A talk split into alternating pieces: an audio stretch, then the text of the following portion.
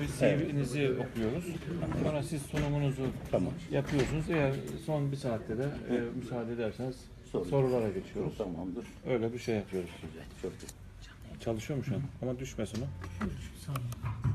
Diğeri de açık. Evet. Hangi Facebook? Maveran. Mavera'nın Facebook'unda şu anda canlı yayındayız arkadaşlar. Facebook'unda paylaşırsanız varsa Facebook'unuz şimdi.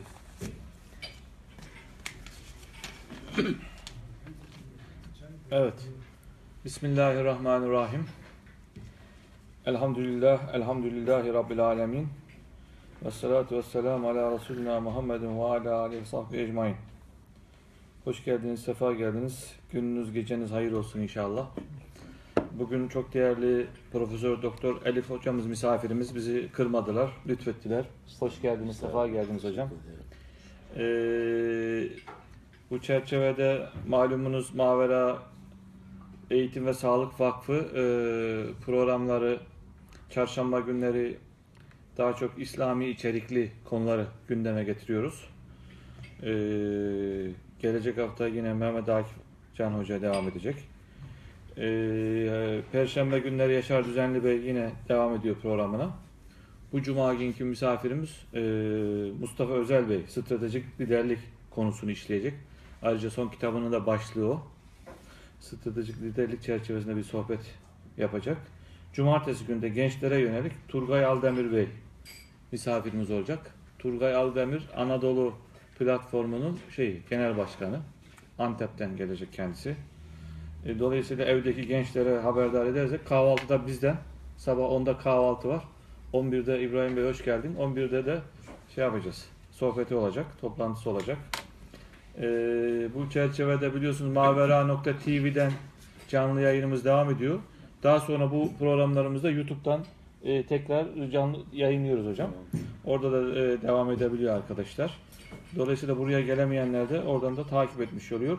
Bugünden itibaren de Mavera'nın Facebook sayfa- sayfasından da canlı yayınlayacağız. Şu anda canlı yayındayız.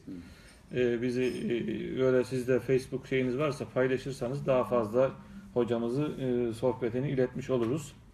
Hasan hocam e, şu anda Marmara Üniversitesi'nde tefsir ana bilim dalında öğretim üyesi. 1949 yılında Tokat'ta doğdu. Hafızlıktan sonra İsmail Hakkı Bayri Hoca'dan talim, tecvid ve kıraat okudu. İlk orta lise eğitimini İstanbul'da bitirdikten sonra 76 yılında İstanbul İlahiyat Fakültesinden mezun oldu. 77 yılında e, Suudi Arabistan'a gitti. King Abdülaziz Üniversitesi'nde 1982 yılında master tezini tamamladı. Adı geçen üniversitede Tahavi'nin Müşkül Asar adlı eserinden edisyon kritiğini yaparak 89 yılında doktor ünvanını aldı. 2007 yılında profesör oldu. Almanya, Hollanda, Mısır ve Japonya'da etütler yaptı. Konferans ve sempozyumlara katıldı. E, Zaman zaman da televizyonlarda izliyoruz hocamızı. Eserlerinden bazıları dini özünden okumak, Kur'an'ın korunmuşluğu üzerine, Kur'an ışığında farklı konular, mabetten hayata, 10 kitap mı anlamında hocam bu? Evet. On. 10 tane mabetten hayata, insan eksenli din, tevhid mesajı özlü Kur'an tefsiri. Şimdi burada görüyoruz. Ee, dışarıda da arkadaşlar tedarik etti ki e, almak isteyenler açısından bir vakıf size de bu imkanı sağlamış oldu. Kur'an tefsiri kitabı dışarıdan tedarik edebilirsiniz. Ee, bir cilt. Ee, güzel bir çalışma. Burada Muhammed Coşkun Bey de yardımcı olmuş hocamıza. İsav, İfav pardon Evet. e, yayınladı. Güzel bir çalışma. Tavsiye ederiz. E, hocamızı inşallah e, dinleyeceğiz. Daha sonra e, sorularla sohbetini açacağız. Buyurun hocam. Tek- Tekrar hoş geldiniz. Sağ olasınız. Tabii konumuz Kur'an'ın çağdaş yorumları ve problemleri. Evet. Bu pro- şeyden. Evet hocam buyurun. Ben Sayın Başkanı ve e, hepinizi e, yürekten selamlıyorum. Muhabbetlerimi arz ediyorum. Efendim, biz e, müminler olarak hem bu dünyada sahip olunabilecek en büyük nimete sahibiz. Hem de birkaç yüzyıldan beri dünyanın en sıkıntılı olaylarının içindeyiz. Değerli dostlarım, ezberlediklerimiz, hikayelerimiz, eskiden çevremizde gördüklerimiz, bildiklerimiz artık yetmiyor. Arz edebildim? Bugünün insan olmaya, bugün de yaşadığımızın farkında olmaya ihtiyacımız var. Eskiyle övünme dönemi artık o defter kapatılmalıdır. Yetmiyor. Ataları bitirdik. Geçmişi bitirdik. Tarihiyle övüne övüne bitirdik. Hepsi bitti artık. Şimdi tekrara başladık. Artık tekrardan kendimiz bile sıkılıyoruz. Şimdi bildiğiniz konuları ben burada söylesem ya hoca yeter artık diyeceksiniz. Gerçekçi olalım. Samimi olalım. Bilince ihtiyacımız olduğunu her an dikkate alalım. Nereden başlasam, ne desem birkaç saatten beri sıkıntısını çekiyorum. Bir hazırlığım var. Zihni bir hazırlığım var ama bölünmüş kafalar, bölünmüş yürekler, farklı bakışlar. Arz edebiliyor muyum? Bana yardımcı olun. Ben böyle tek başına konuşup her şeyi bilen bir insan gibi burada millete efendim e, sanki onların bilmediği şeylerden bahsediyor. Başka alemlerden gelmiş gibi dinleyenlerin de hiç bu işlerle alakası bu dönemde kapatın artık. Yani ayağımız yere bassın diyorsun. Bas. Ayağımızda bassın, elimizde bassın. Unutmayınız, unutmayınız ki vahyin bir kanadı yerdedir. Vahyin bir kanadı yerdedir. Hayatın gerçekliği. Yaşa Mahmut Bey. Ne demek yerdedir? Şimdi Kur'an-ı Kerim'e baktığınız zaman böylece konuya da girmiş olduk aslında. Kur'an-ı Kerim'i e, okuduğunuz zaman ama tabii nasıl bir çeviri okuyacaksınız orada da problem var. Eskiden Kur'an okumuyor millet derdik. Davet ettik hepimiz. Kur'an okuyun dedik. Yani o da ne oldu? Meal oldu. Meal okuduk. Şimdi gene sorunlar bitmiyor. Öyle değil mi? Gençler özellikle siz bana yardımcı olun. Katılımınızla. Bitmiyor. O meal böyle diyor, bu meal böyle diyor. Sıkıntınız yok mu meallerden yana sizin mesela okuduysanız? Var değil mi? Çok. Ya ben sanki hay- hayalden bahsetmiş olmayayım onun için. Yok yok var değil. Ee, çok var. Çok var değil mi? Bak işte bırak. Bu kurtuluşun ilk adımıdır dostlar. Varsa bu e, efendim ön kabullerle ve sadece Arapça bilgisini e, öğrenmekle Kur'an'ı anlarız düşüncesinin yansıması olan ama hepsi iyi niyetle ve uzmanları tarafından yapılmış olmasına rağmen sıkıntı var. Burada- Burada buraya davet ediş sebebi de problem olmasa niye siz çağırın? Eyvallah. Kendimiz okur, evde hallederiz. Eyvallah. Tamam. Şimdi ben ben içtimai yapıya saygı gösterilmesi gereken gerektiğine inanan bir insan. İnsanların ufkunu karartmaya, morallerini bozmaya, onları mevcut durumdan daha geriye götürmeye sebep olmak istemem. Ama karşılaştığımız öyle olaylar var ki onunla yüzleşmek durumundayız. Ben sizi üzmek istemiyorum da olayların mahiyeti, mevcut durumumuz daha derinlerde bir hesaplaşmaya, bir yüzleşmeye ihtiyaç Yani gösterir. halının altından sürtülmenin zamanı geçmiştir. Artık araba gitmiyor diye. Evet, iyi Mahmut Bey sağ ol. Sen bak iyi tercih var. Bana yardım ediyorsun. Sağ ol. Beraber çalıştık Güzel. Beraber çalışmışız biz şimdi. İyi niyetle e, hiç kimseyi efendime söyleyeyim başka düşüncelerin e, yolcusu gibi damgalamadan iman silahını cebimize koyup, koyup bir başkasını da küfürle, sapıklıkla, dalalette itham etme hastalığını, marazını bırakmak lazım. Birbirimizi anlamaya ihtiyacımız var. Yeteri kadar tartıştık. Dış alemler tartıştık. Dış alemle mücadele ettik. Yıllarca hatırlayın geçtiğinizi. Şimdi geldik şu anda içe döndük. İçimizde mücadele ediyoruz birbirimiz. Farkındasınız değil mi? Şu anda müminler topluluğunun en büyük mücadelesi kiminle? Bunu kapatalım mı yani? Gördüğümüz şey gözlerimizi kapatalım mı? Yok hocam öyle demeyin. Müslümanlar olarak biz rahatsız oluyoruz. Öyle mi yapalım? Küçük cihattan büyük cihata. Sıkıntılar var işte bunlar sıkıntıları eee, anlamamız lazım. Aslında teşhis, teşhis çok bizim için çok önemli bir uçudur. Bizim bir hastamız var. Bugün ben e, doktorlarla görüşüyorum. İnanır mısınız? En büyük sorun teşhiste. Teşhis. Yanlış yapmışlar diyor. Teşhis yanlış diyor. Teşhisimiz mi ne? Teşhis koymalıyız. Biz teşhis koymadan malımızda, canımızda, bütün enerjimizle, bütün yüreğimizle koşturup koşturuyoruz. Ben 6 yaşından beri bir yolun yolcusuyum. 6 yaşında babam beni köyde, köy mektebine verdi. Elif be öğrendim. Ondan itibaren birçoğunuzun Anadolu'daki hayat böyledir. 11 yaş, 9 yaş, 10, 10 yaşında Tokat'a şehre geldim. Hafızlık yaptım. 11 yaşında İstanbul'a geldim ben 1960 yılı. Niçin? Okusun, öğrensin. Geldik 70 yaşlarımıza. Hala okuyoruz. Ama hala bizim camiamızda sorun var. Bırakınız halk şeyini. Akademiyada, fakültelerde, ilahiyat fakültelerinde. Fark ediyorsunuz dostlarınız var, yakınlarınız var, geliyorsunuz, gidiyorsunuz. Cemaatimiz oluyorsunuz Marmara İlahiyat. en iyisi, en tecrübelisi Marmara İlahiyat. Eski birikimlerde devralmış da Yüksek İslam Enstitüsü zamanından gelen bir şey. Ama sıkıntılar var. O bakımdan bunlarla bir yüzleşmek durumunda. Nerede hata yapıyoruz biz?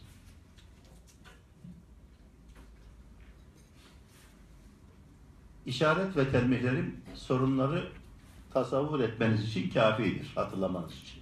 Daha teferruatına girmeye gerek yok. Şimdi gelelim sorunların tespit ve teşhisine. Ben acizane e, tefsir hocasıyım. Marmara İlahiyat'ta yeni emekli oldum. 7-8 ay oldu. Efendim bahsettiğim gibi 6 yaşından itibaren bütün hayatım Kur'an'la geçti. Ezberlemek, öğrenmek, okumak, manası. 14 senede Mekke'de kaldım. Bu kitabı anlamak için 14 sene Mekke'de kaldım. Bütün Müslüman toplumların halini gördüm. Orada tanıdım ben. Ve okuduklarımızda gördüklerimiz eee, farklı. Sonuç, benim için bu kadar ihtiyatı artık yeterli görür. Yani hoca bir şey mi diyor, bize mi çatlıyor, başka, böyle bir şeyleri kalır. Yüreğimiz yanıyor. Kendi açımızdan bu meseleye bir e, bakış yapmaya çalışacağız. Bana göre sorunlardan birisi tabi konuyu konuyu siz e, ilan etmişsiniz. Kur'an'a çağdaş yaklaşımlar ve sorunları demiş. Bu bapta bakın bizim öğrencilerimiz de var burada. Bu bapta bakın sıkıntıyı şöyle de artık bu spesifik bir alana biraz geldik özel alana. Şimdi bizim bu din eğitimi alanında suçlamak için söylemiyorum. Yargılamak için, için söylemiyorum. Tespit, tamamen tespit amaçlı. Kur'an, Kur'an tefsiri dedik. Sonra zaman geçti, e, bir süre sonra Kur'an'ın çağdaş tefsiri dedik. Bu konuda kitaplar yazıldı, hatırlıyorsunuz değil mi? Kur'an'ın çağdaş tefsirleri diye kitaplar yazıldı. Çağın tefsirleri diye kitaplar yazıldı. Bunlar hep bir sıkıntının ifadesiydi. Bu ne demekti? Eski tefsirler bize yetmiyor demek. Ben çağdaş bir tefsir yazdım. Öyle demek değil mi manası? Fakat onlar da sorunu çözmedi. Bu defa şimdi onların da sorunu çözmediği gibi başka sorunlar doğdu. Bu defa şimdi biz başka bir şey geliştirdik. Kur'an'a çağdaş yaklaşımların sorunları. Kur'an'a çağdaş yaklaşımın sorunları diye ders var ilahiyat fakültelerinde. Hadis okuduk. Hadisi savunduk. Sonra bir dönem geldi. Şimdi bakın çağdaş hadis sorunları. Arkasından bir plan daha geldi. Evet. Çağdaş hadis e, efendim analizlerinin sorunları. Şu anda bütün bildiğiniz İslami ilim dediğimiz tefsir, hadis, fıkıh, kelam hepsinin başına bir yeni geldi. Çağdaş lafı geldi. Yeni fıkıh, çağdaş fıkıh, yeni kelam, çağdaş kelam.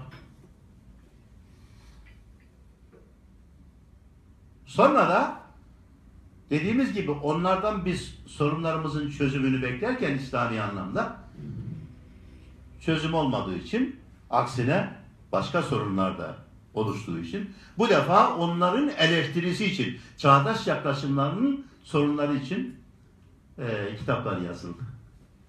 Durumumuz budur. Bir tespit edelim bunu. Ve dediğim gibi tespit etmek sorunu çözmenin en önemli başlangıcı. Çok önemli. Bundan, buradan sevinmeliyiz. Farkında olduk bir şeyleri.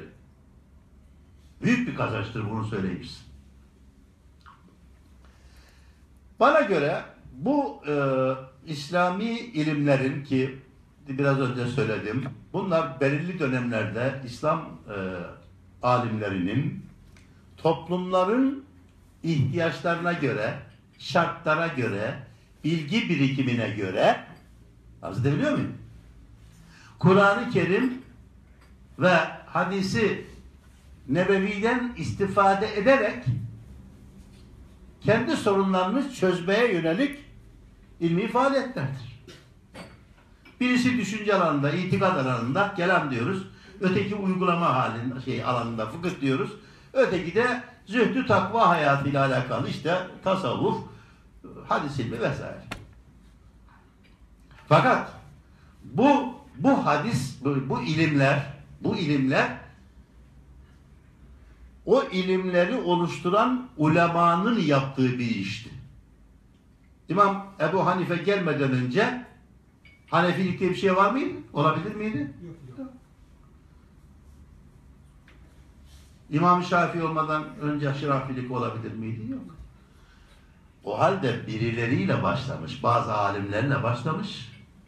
Dolayısıyla söyleyiniz, onunla da sona ermesi gerekirdi bu iş. Hazır mısınız biraz daha ileride? Bir zaman yok idiyse böyle bir fetva, böyle bir yaşam. Sonra oluştuysa kim tarafından? İşte kafası çalışan, Kur'an'a vakıf, hadise vakıf, mümin, ilim adamları tarafından. O zaman onlarla oluştu. Onlar gidince şartlar da zaten kayboldu. Şimdi biz hala ne yapıyoruz biliyor musunuz? 1300 sene önce Bağdat için, Basra için, Küfe için, Buhara için o dönemin hocalarının yazdığı kitapları din kitabı diye okuyoruz, okuyoruz. Anlatabiliyor muyum? Bu, şu anda gidin Müslüman dünyada on binlerce, yüz binlerce ders halkası var. Tahmin edin bütün Müslüman toplum. Hepsinin elinde bu kitap. Bu kitaplar.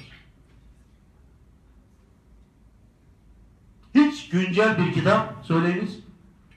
Söyleyin siz söyleyin. Güncel yazılmış bir kitap yok.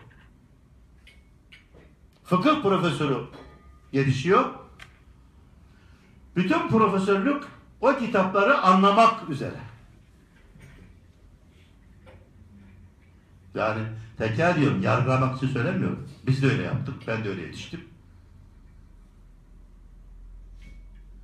Biz ilmin profesörü olmuyoruz. Ya Ebu Hanife'nin ki Ebu Hanife bu işin en zirvelerinde daha onun e, müteahhirin dediğimiz sonra gelen talebesinin talebesinin talebesinin fetvalarını anlamaya, onları öğrenmeye çalışıyoruz. Sonra gel bakayım diyoruz arkadaş sen imtihan edeceğim. Seni profesör yapmak için şu onun dediği şu kitabı yazdığı kitabı oku bakayım anlıyor musun? Yaptığımız budur. Türevin, türevin, türevin. İşte anlayın meseleyi. İşe buradan başlamak gerekirdi. Bir zeminimiz olması gerekirdi. Bir temelimiz. Geçmişe dair ne demişler? Siz iş adamısınız sanıyorum çoğunluklu. Bir iş kuracağınız zaman bu işin e, geçmişi nedir? Kim nerede ne yapmıştır? Bu bilgiye bir araştırmaya ihtiyaç duymuyor musunuz? Bu gayet normal. Geçmişi bir defa mutlaka okumalıyız. Ama dikkat ediniz sadece bir defa. Sadece haberdar olmak için bir defa. Bugün bizim bütün din eğitimi alanlarımızda efendim hep o kitaplar koltuğumuzun altındadır. Bir defa okumuyoruz. Onu, hayatımız o kitaplar. Bakın ben bir durumu tespit ediyorum size. Bu doğru mu yanlış mı diye bir hüküm vermedik henüz. Siz verin bu hükümleri. Ben size bir tasvirde bulunuyorum. Yaptığımız iş bu. Profesörlerimiz oldu. 100 tane ilahiyat fakültesi, şu kadar dini eğitim çok yaygın. Çok. Yeterinden az değil, fazla. Ama sorunlarımız duruyor. Güncel bir meseleyi soruyorsunuz. Efendim şu olayın hükmü nedir? Fetvayı nereden arıyoruz? E, Bir zamanlar köprü meselesi. Bu köprüyü satmak, köprü hissesi almak caiz mi değil mi bakın. Bakın, bakın. Ya işte şöyle şey kurmak, iktisadi bir kuruluş kurup da burada bir şey yapalım. e, bu helal mı olur, haram mı olur? Hatırlayın. Güncel bir hocaya soruyorduk. O hoca da bize gidip 1300 sene öncesinin kitaplarını karıştırarak evet orada bize fetva veriyor. İnsaf edelim. Yani bizim sorunumuzu yaptığımız köprüyü, barajı efendim geliri gideri İslami e, efendim e, vasfını bize 1300 sene bu köprü nedir? Hayali yok adamın. Bir Boğaz Köprüsü'nü hayal edebilir mi? böyle bir şey. Ama o dönemde acaba buna benzer ufacık bir şeyler varsa belki biz oradan bir şey. Yoksa kendimizin söyleyeceği hiçbir şey söyleyin. Yok. Mahmut yok.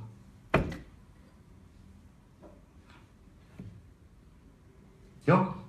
Niye? Öyle bir formasyonumuz oluşmadı. Öyle bakamadık. Yani biz bu işi çözebiliriz, çözmeliyiz diye yetişmedik. Biz, bizim için hocalık dediğim gibi 1300-1400 sene önce yaşamış insanların evet görüşlerini bilmektir. Yazdıklarını anlamaktır. Hocalığın şeyi budur. Hala bugün en yüksek en yüksek din eğitim alanına geçtiğiniz zaman doktora sınavında bizim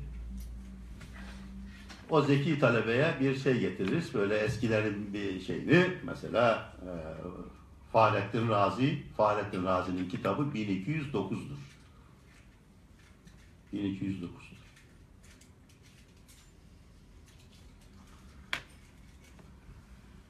Sorunlar böyle. Ve biz buradan çözüm bekliyoruz. Çözüm de işte olmuyor. O zaman ne yapıyoruz? Savunmada bulunuyoruz. O haram, bu günah. Adeta her faaliyetimiz, her eylemimiz günah korkusuyla çevriliyor. Öyle değil mi? Bu ne demektir? Ne demekse siz karar verin. Şimdi bu sorunların eee, artık bu sorun bizim kendi alanımızla alakalı. eee, bence uzatmaya gerek yok. Bu kadarıyla size arz etmiş oldum. Bunun için harcanan mali imkanlar, zaman, diğer şeyler, mücadeleler, bir sürü bir sürü emek var bu işin altında. Bu kurumların kurulması kolay mı? Bunların devamı kolay mı? Ya benim babam Anadolu'nun efendim Tokatlıyım ben. Orta halli bir çiftçisi. 60 yılında beni İstanbul'a gönderiyor. Benim neslimin tamamı buna yakın şartlarda. Köyde para mı var Allah aşkına? Harmandan, pancardan, mevsimden mevsime 3-5 kuruş görür. Onu da şehirde aldığı manifatura bedelini bilmem şey falan ödetmiş yok. Köylünün cebinde para yok. O şartlarda o adamcağız bana İstanbul'a 50 lira aylık şöyle bir jandarma tüfeğinin olduğu bir evlilikleri vardı. Efendime söyleyeyim. Her ay bunu gönderiyordu bana. Şartlar bu. Şimdi babam 103 yaşında 2 sene önce rahmetli oldu. Hani muhteşem bir adam. Evet. Hayatında kötülük diye bir şeyi tasavvur ettiği hissini hiç almadım ondan. Hiç almadım. Çınar gibi bir adam. Bu tefsiri yazıp ona götürdüğümde hasta yatağında yatıyor. Akşam namazını cemaatle birlikte kırdık. Ben evde çoluğu çocuğu hepsini toplarım. Küçükler önde hatta alışsınlar diye. Daha onlar biraz torpilli gibi. Efendim işte o arkada olsun da işte büyükler olsun da işte kadınlar, madınlar, aile içinde bunları bırakın demiş. Bırakın aile, bırak. Burada başka bir şey olsun. Ve inanır mısınız? Senede bir hafta on gün o kaldığımız ziyaret esnasında kaldığımız günler de bu olaya şahit olan çocuklar büyüdüler şimdi. Hafızalarındaki en büyük dini gıda o ortamlar. Ve babam hasta yatağında yatıyor. Kendisi iyi bir molla değil, köy, köy mollasıydı. Eski yazı, yeni yazıyı bilen yani köyde bulamazdınız ki yani o yıllarda. Nerede? Yüz bir köyde iki kişi ya bulursunuz ya bulamazsınız. Dolayısıyla böyle bizim o son dönemler, Osmanlı'nın son dönemlerinden gelişlerimizin de sıkıntılarını hatırlayalım böyle. Bilmiyorum. Ve rahmetli babam ben namaz kıldırdım akşam namazını. Lev enzelna'yı okuruz ya akşam namazdan sonra Haşr suresinin son ayetlerini onu kendisi dedi baba okur musun sen? Hasta yatağında okudu. E, torunlarından birisi öğretmen gel kızım dedi aç bakayım şu kitabı dedi e, amcam ne yazmış dedi. Bu kitap da yeni çıktı 2013 yılında. E, bizim de bakayım ne diyecekler, ne edecekler diye. Biliyorsunuz biz de iki saat konuşursunuz, emek sarf edersiniz, terlersiniz. Dinleyicilerimiz genelde bir cümleye takılır, oradan sizi mahkum eder.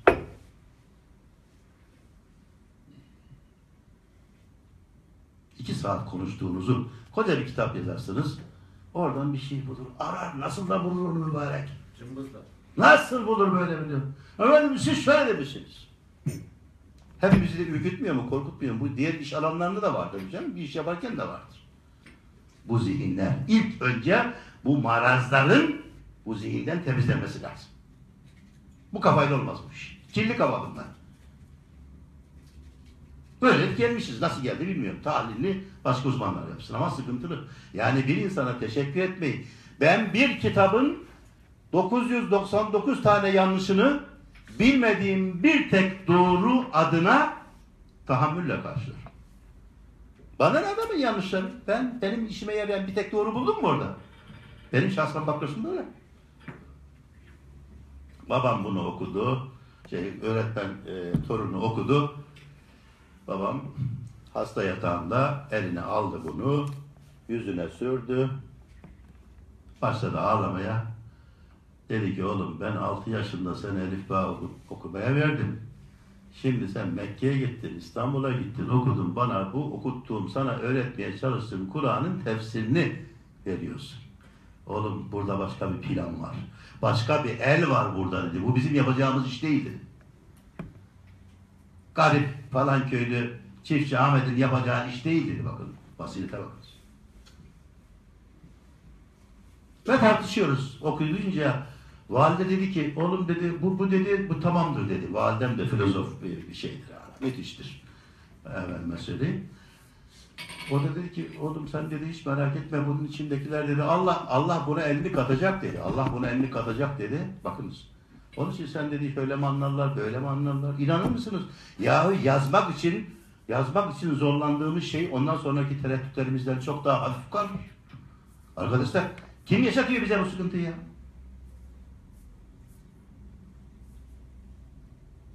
Bir şey yazarken öyle mi anlaşılır, böyle mi anlaşılır, şöyle mi derler, böyle mi derler? Yani bunlar bir haksız şey değil. Bir paranoya dedikleri bir, bir anladın mı? Vehim değil ya. Hemen pat diye mukabil ediyorlar.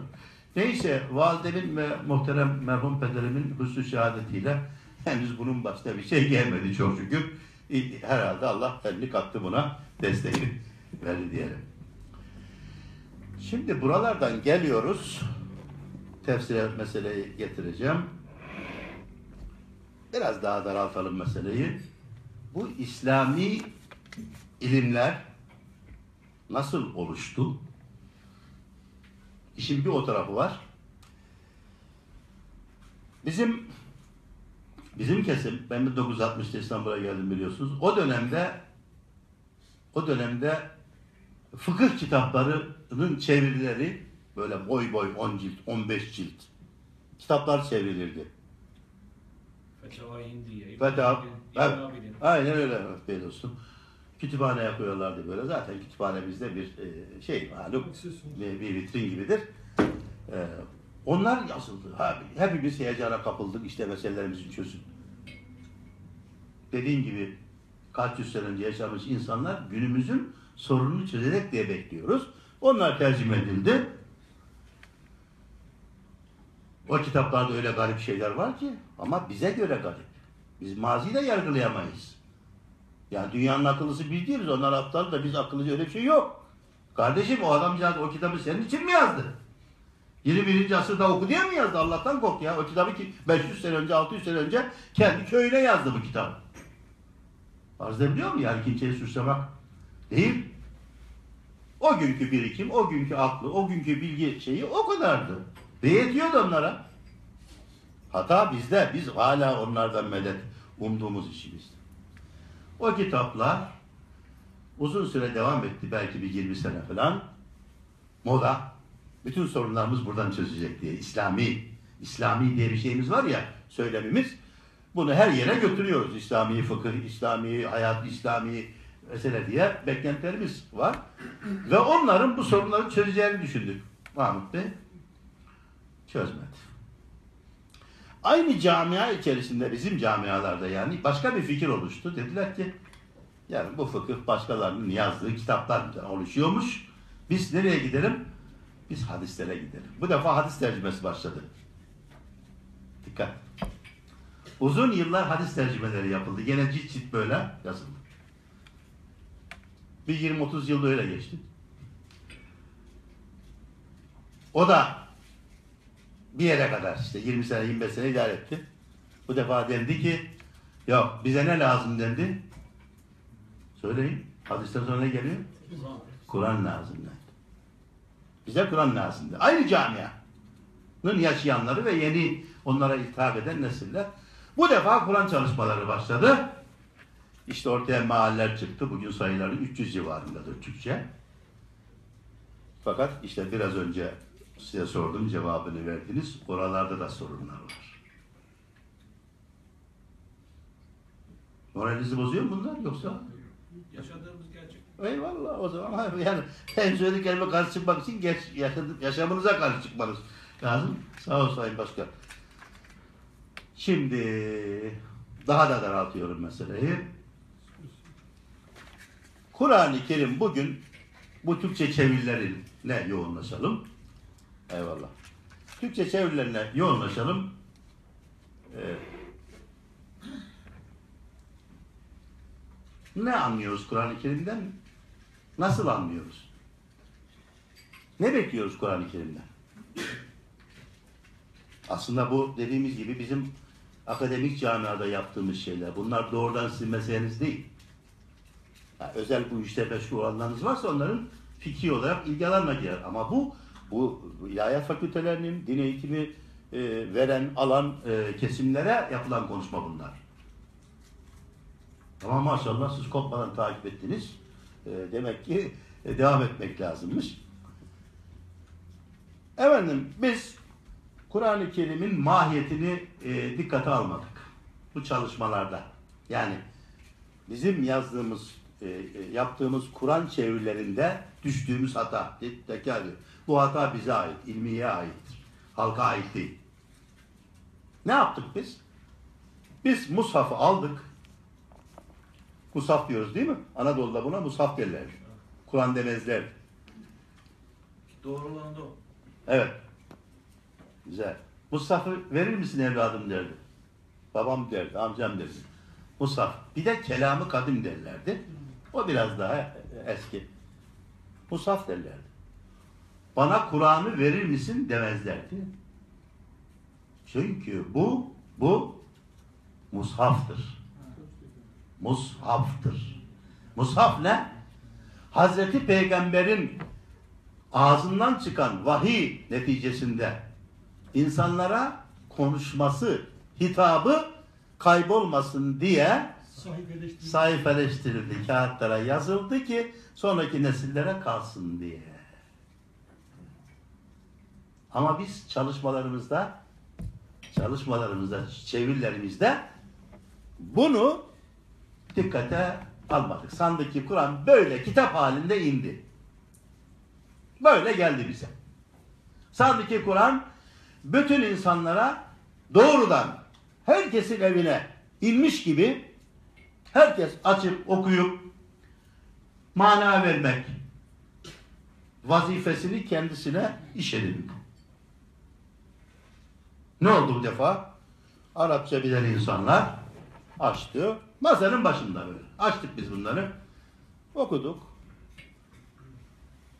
İşte mesela Bakara suresinin 6. ayeti İnnellezîne keferû sevâun aleyhim endertehum em lem tündirhum la diye devam ediyor ayet. İkinci de işte hatemallahu ala kulubihim ve ala sem'ihim ve ala absarihim gışâve. Biz şöyle okuyoruz. Muhakkak ki o kafirler bakın muhakkak ki o kafirler evet. Sen onları korkutsan da korkutmasan da bir şey değişmez, müsavidir. Çünkü Allah onların kalplerini mühürledi, gözlerini, kulaklarını işte kapattı. Gözlerine pendirin dedi, kulaklarını filan. Böyle okuyor. Şimdi düşünürüz. Bu kadar. Ve bunu çeviri olarak yazdık. Ve dedik ki bu nedir? Kur'an'ın Tercümesi. tercümesi, çevirisi. Meali dedik. Maal demek birebir anlamı gibi anlaşılır. Bir sürü sorun var. Allah mühürlediyse kalpleri daha o adamdan beklenen ne var? Eğer Allah Niye koysun?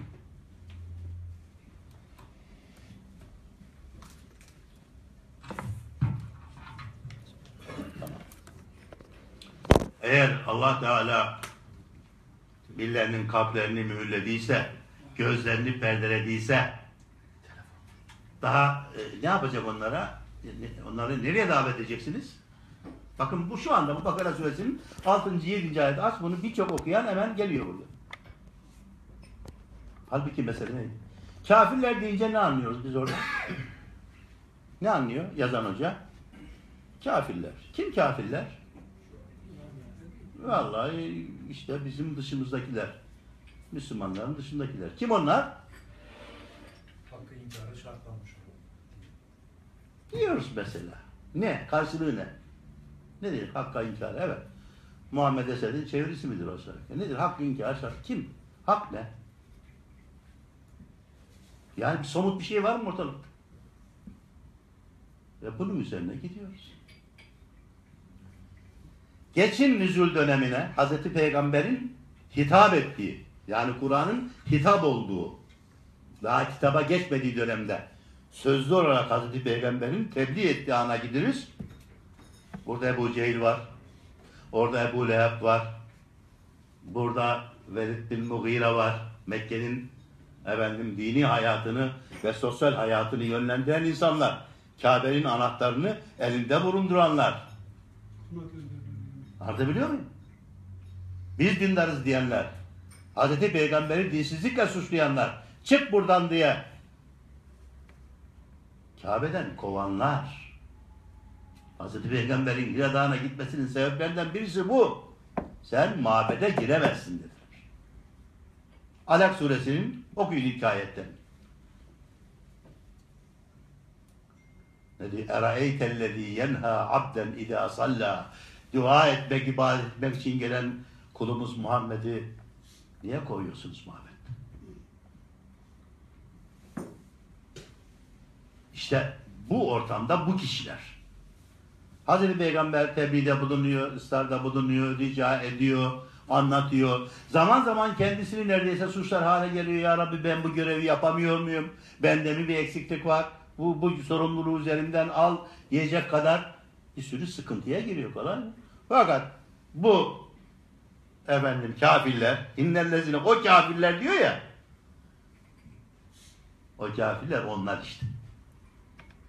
Birebir Hazreti Peygamber'in yüzüne bakan, onunla aynı ortamı paylaşan insanlar. Diyor ki, sevgili elçim, Aziz elçim, bu Ebu Cehil, Ebu Leheb ve diğerleri senin tebliğini kabul etmiyorlar. Senin risaletini, peygamberliğini kabul etmiyorlar. Hiç uğraşma. Bunların gözleri, kulakları kapat. Bitmiştir. Bakın bakın. Görüyor muyuz? Gözleri ne perde olanlar, kalpleri mühürlenmiş olanlar kim? Onlar. Ne zaman diyor gözleri efendim perdelendi, kulakları efendime söyleyeyim kalpleri mühürlendi, kulakları damgalandı diye ne zaman söylüyor bunu? Bu onların bu inatçı tavırlarından evet sonra söylüyor. Bu peşin bir hüküm değil. Olayı tasvir ediyor olayı. Yaşananı anlatıyor Kur'an-ı Kerim. Olay önce, vaka önce tespit ve değerlendirme sonra. Ne kadar gerçekçi. Şimdi biz bu ayeti nasıl okuyoruz? Bakınız problemlere. O kafirler ki sen onlara uyarsan da uyarmasın da inanmazlar. Kim bunlar? Artık kimi münasip görürsen insafına kalmış yahut zekana kalmış neyse kimi sokarsan sok içine. Bu ayeti zaman gelir bazı Müslüman gruplarda birbirlerini okurlar. O mücadeleyi görmüyor musunuz? Görmedik mi? 15 Temmuz hadisesini daha hala üzerimizde değil mi etkisi? Ve emsalleri sadece e, bunda değil tarihe bakın. Geleceğe bakın. Alın işte diğerlerine bakın yani öyle bir misal aramaya bile gerek yoktur. Ne diyorlar? Onlar kafir diyorlar. Ne okuyorlar? Sonra da innellezine keferu sevâne bu ayet okuyorlar.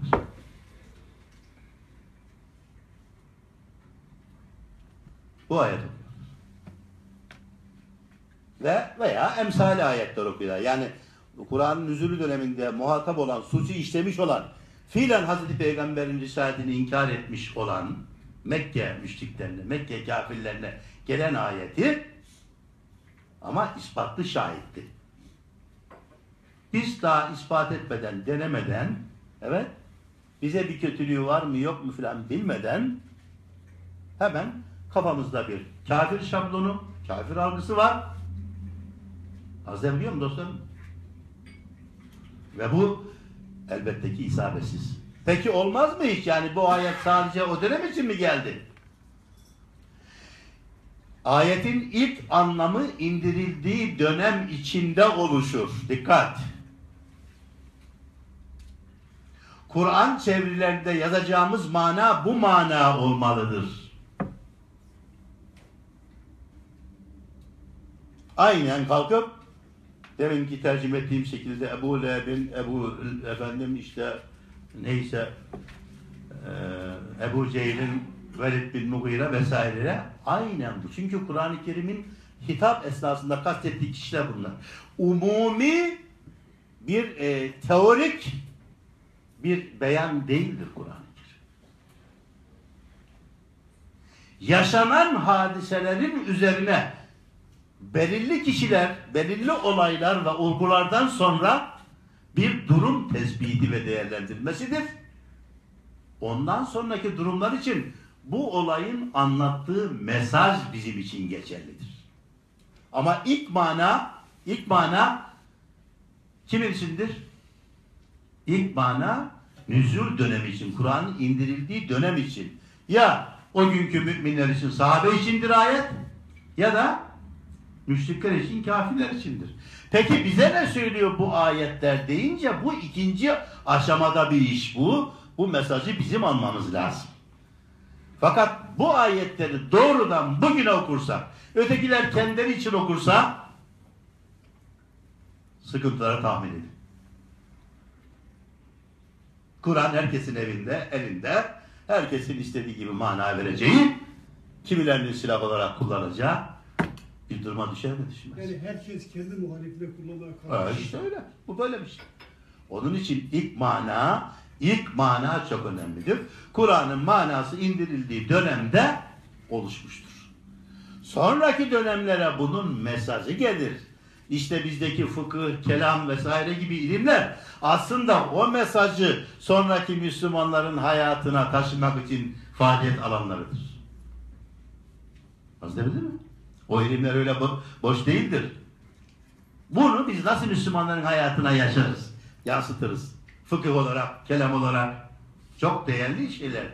Fakat oradaki hata demin söylediğim gibi tarihin bir döneminde yapılan bu çalışmaları sonraki kıyamete kadar bütün Müslümanların sorununu çözecekmiş gibi algılamamız hata orada. Yoksa o ilimlerin oluşması fevkalade önemlidir.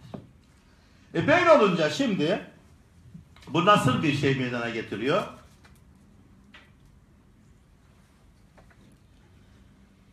bugünkü mümin okuduğu müminlerle alakalı şeyi müminlerle alakalı ayetleri doğrudan onların yerine kimi koyuyor? Kendisini. O müminler ki diyor. O müminler ki dediği kim? O müminler ki dediği Hazreti Peygamber'in risaletini kabul etmiş. Onunla beraber cihada gitmiş. Onunla beraber hicret etmiş. Bedir, Uhud, Hendek katılmış. Hudeybiye anlaşmasına gitmiş. Yolundayım ya Resulallah demiş. Fiilen ona destek vermiş insanlar. İman sıfadır. işten sonra, amelden sonra kazanılan bir sıfattır.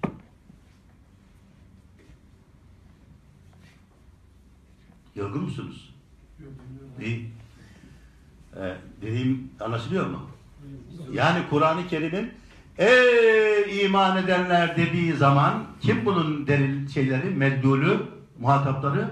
Hazreti Peygamber'in risaletine iman edip fiilen cihat alanına çıkmış, görevleri yapmış, Hazreti demek ki olayları tekrar etmeyelim. Anlatabiliyor muyum? Yani elde edilmiş bir şeydir, bir sonuçtur bu. Ama şimdi biz ne yapıyoruz onları? Müminlere gelende biz mi siz gibi okuyoruz, anlıyoruz. Yani sahabeye gelenin. Hatta Ebu Cehil'e gelen ayetler de bazen kendimize emin olduğu gibi okuyoruz. Müthiş bir karmaşadır. bu. Müthiş bir karmaşadır. Onun için kalkıyorsun. Mesela diyor ki şimdi hicrette, hicrete gitmek istemeyenlere efendim yahut işte münafıklardan, Müslüman gözüküp de münafıklardan cihada katılmayan, vatan savunmasına katılmayan insanlar için e, onların çocuklar diyor ki baba gitme biz buraya gitmeyelim. Hanımlar diyor ki gitme bey sen gitme boş ver onlar halletsinler diyor. Kur'an-ı Kerim tabi yakalıyor e, meseleyi. Hazreti Peygamber'in biriyle onlara diyor ki bakın sizi mallarınız sahip olduğunuz mallar. Bak bizim diyor malımız mülkümüz var şimdi zarar gel zarar ziyan gelir bunlara diyor. Cevap diyor ki bak sizi diyor bu hak yolundan engelleyen evlatlar, hak yolundan engelleyen eşler ve mallar sizin için fitnedir. Şimdi biz bu ayeti alıyoruz. Doğrudan cami cemaatine efendim ey millet ey Müslümanlar malınız fitnedir, evladınız fitnedir demiyor muyuz arkadaşlar? He? Gördük mü? Gördük mü nasıl okuyoruz? Temel sorun budur bugün Müslümanların temel sorunu. Kur'an'dan başlamaktır Kur'an'dan. Bu, bunu böyle eşildi millet bunu okuyor. Yüz milyonlar, milyarlar okuyor bu çevirileri. Hepsinde yaptığı bu böyle. Bugün Müslüman dünyanın Kur'an anlayışı özel istisnai çalışanları başka böyledir. Onun için Kur'an meselesi çok ciddi bir iştir. Kur'an'ın anlamını tespit onlarca ilim dalını icap ettirir. Tarih gerektirir. Ya bu iş neredeyse Antropolojiye gider, arkeolojik araştırmaya gider. Yani anlatabiliyor muyum? Coğrafyaya gider. Bir sürü iş var. Ama biz yok. Bir kelimeye keferu, kefara kelimesinin manasını aç lügata bak. E kefara işte Allah inkar etti, e, hakkı inkar etti. Başka? Örttü. Efendim? Örttü. Hiçbir şey çıkmıyor. Kur'an'ın kafir dediği insanlar fiilen Hazreti Peygamber'i inkarı ispatlamış göstermiş insanlardır. Dolayısıyla hakkı hakkı hakkın karşısında yer almış insanlardı. Yani bunlar e, dediğim gibi yaptıklarının sonucunda almışlardı. Müminler de yaptıkları olumlu işlerden sonra, ameli salihten sonra, imandan sonra o ya eyyühellezine amenu ey ey müminler. E biz daha bu alana girdik mi?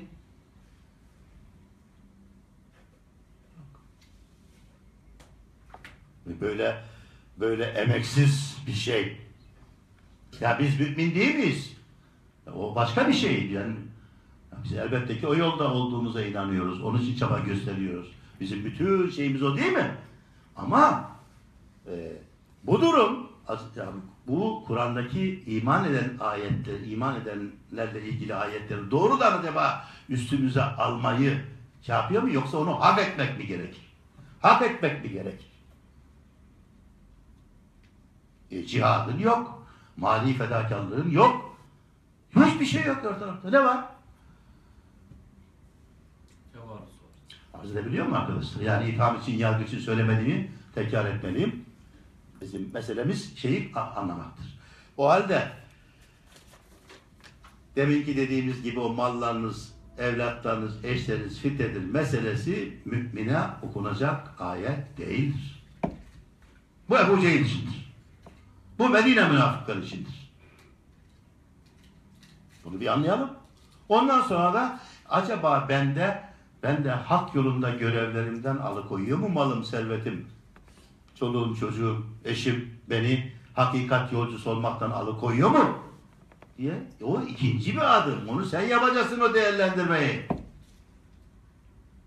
Ama doğrudan girdiğimiz zaman çok içinden çıkılmaz durum alıyor. Sanıyorum anlaşılıyor. Başka bir örnek vereyim. Diyor ki Ahzab suresinin 72. ayeti. Emanet ayeti diye bir ayet vardır. Bilirsiniz biz e, emaneti dağa, taşa, yere, göğe evet Arz ettik. Efendim onlar almadı. İnsanoğlu aldı. Evet bakınız insanoğlu aldı.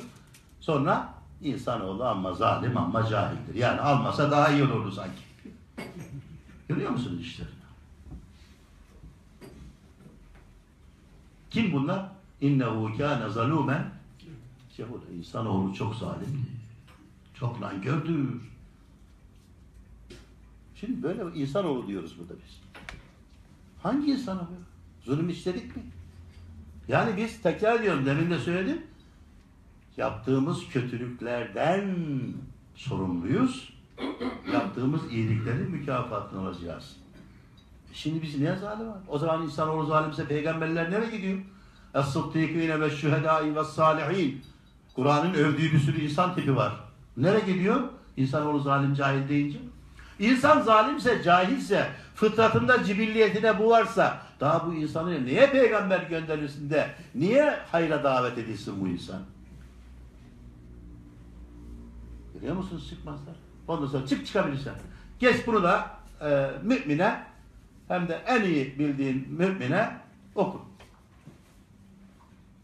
Ve hepimizin kafasında bu yok mu insanoğlu zalimdir, cahildir diye bir Kur'an adına bir şey yerleşmemiştir. Öyle var böyle bilgi. Yani ıı, tam şey yapmasak da bak kızdığımız zaman zaten insanoğlu zahildir, nankördür.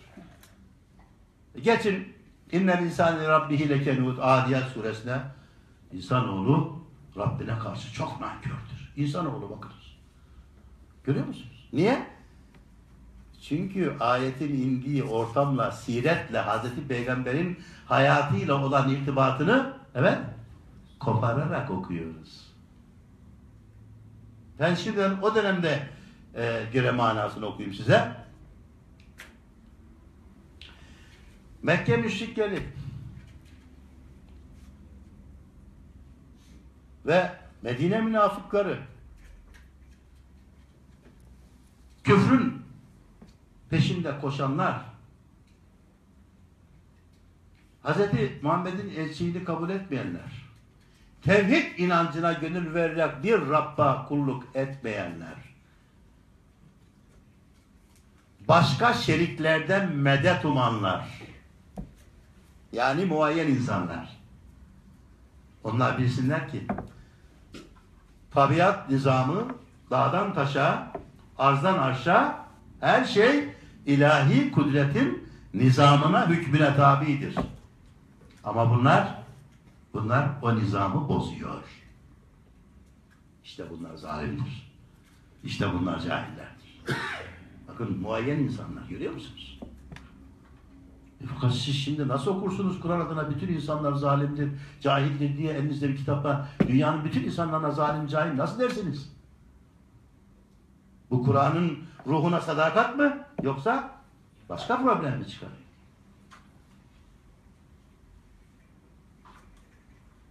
Adiyet suresinde açın bakın bizim Elmalı merhum böyledir, üstadımızdır ama insanoğlu Rabbine karşı nankördür diye vakti olsa onları okusak burada da gerek yok teferruatına. Siz e, işaret yoluyla ona muttali oluyorsunuz zaten.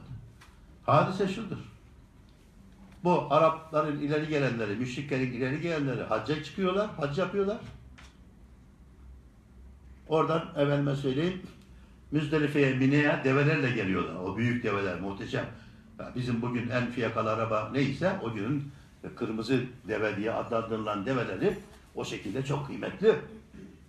E, Araplar da böyle kabile reisi falan diye böyle birbirlerine insanoğlu zaten genelde yapar ya benim devem daha üstündür hadi bakalım yarış edelim vesaire filan diye orada birbirlerine develeriyle üstünlük taslayanlar tam orada ayet geliyor o sahnede diyor ki bu develerle övünüyorsunuz ama başkalarını kulluğa ortak ediyorsunuz. Bu develeri size ortaklarınız mı verdi?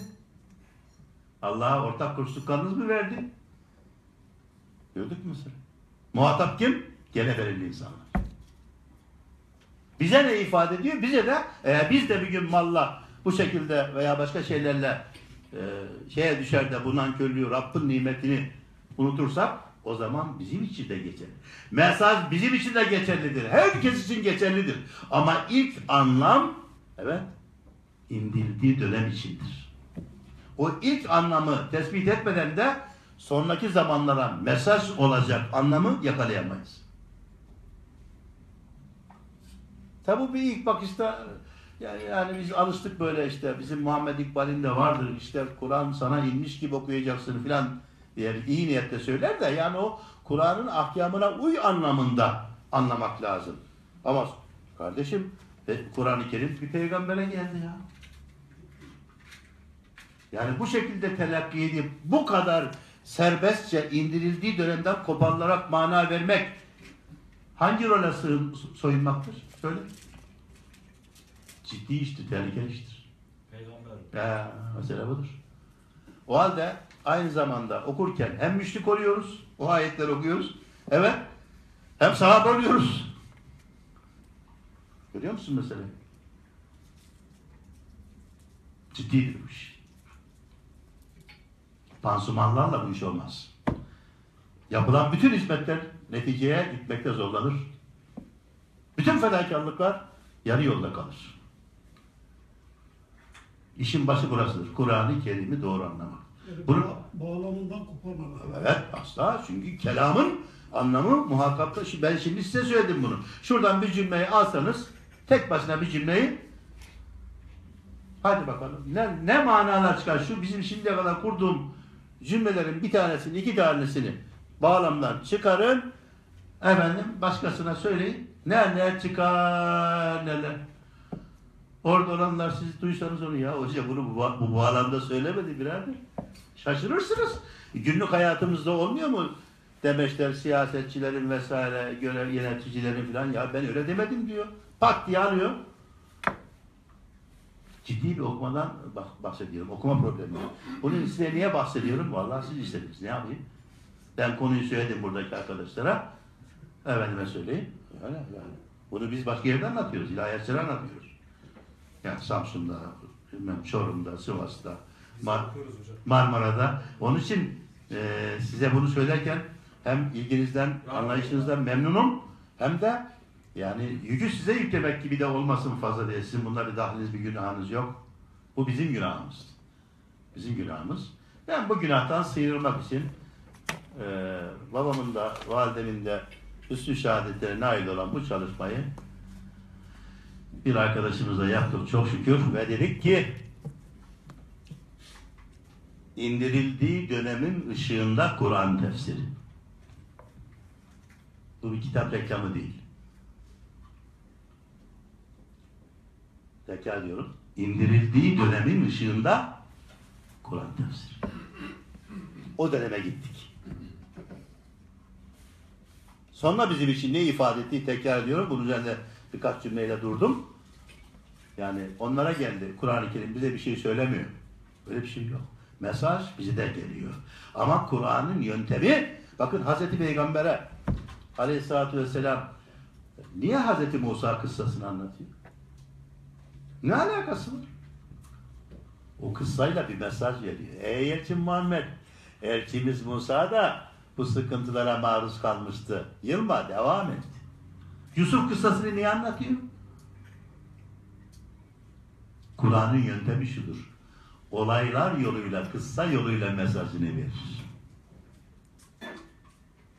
Biz de, biz de Kur'an'ın bu e, Kur'an'ın uyguladığı bu metodu dikkate almalıyız.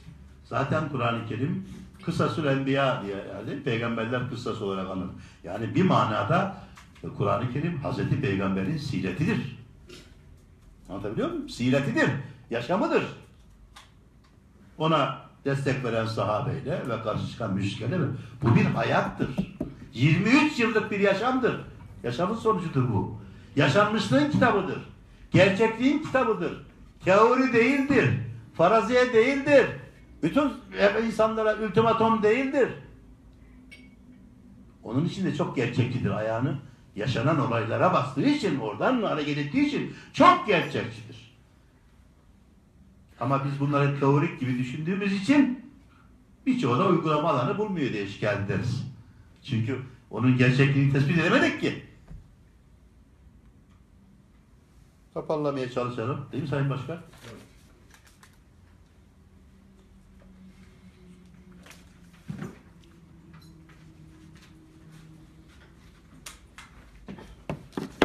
Şudur. Mesela bir ayet daha söyleyeyim o zaman. Bakara suresinin 191. ayetinde e, Arapçasını ben söyleyeyim. Estağfirullah. Vaktuluhum haythu sekiftumuhum. Nerede bulursanız onları söyleyin. Öldür. Bakın ezberlemişsiniz ya. Kim? Onlar kafirler. O kafir tasviri de nerede? Kafamızda. Biz artık onun tayini bize kalmış. Halbuki halbuki Kur'an'ın indiği dönemde onlar biliniyordu. Orada onlar sahadaydı. Hüm diyor ya onları. Kim onlar? İşte Mekke'de Müslümanları katletmeye çalışan o şebeke. Onların da öncüleri var. Demek ki saydığımız isimlerdir zaten bunlar. Onlar deyince o niye söylüyor? Bul- bulduğunuz yerde öldürün. O kafirleri bulduğunuz yerde öldürün. Şimdi hadi bakalım. Hadi çıkın işin içinden. Örgütlerin en çok kullandığı ayet bu zaten. Ya görüyorsunuz değil mi arkadaşlar? Görüyorsunuz değil mi? Nasıl çıkarsınız bunun içine böyle bir anlam verdikten sonra? Yapsanız böyle olur dediğiniz gibi. Yapmasanız içinizde ne olur? Ee, halbuki halbuki bakalım. Ey Mekke'yi ziyaret etmek için gelen müminler. Mekke müşrikleri sizi Kabe'ye sokmuyor.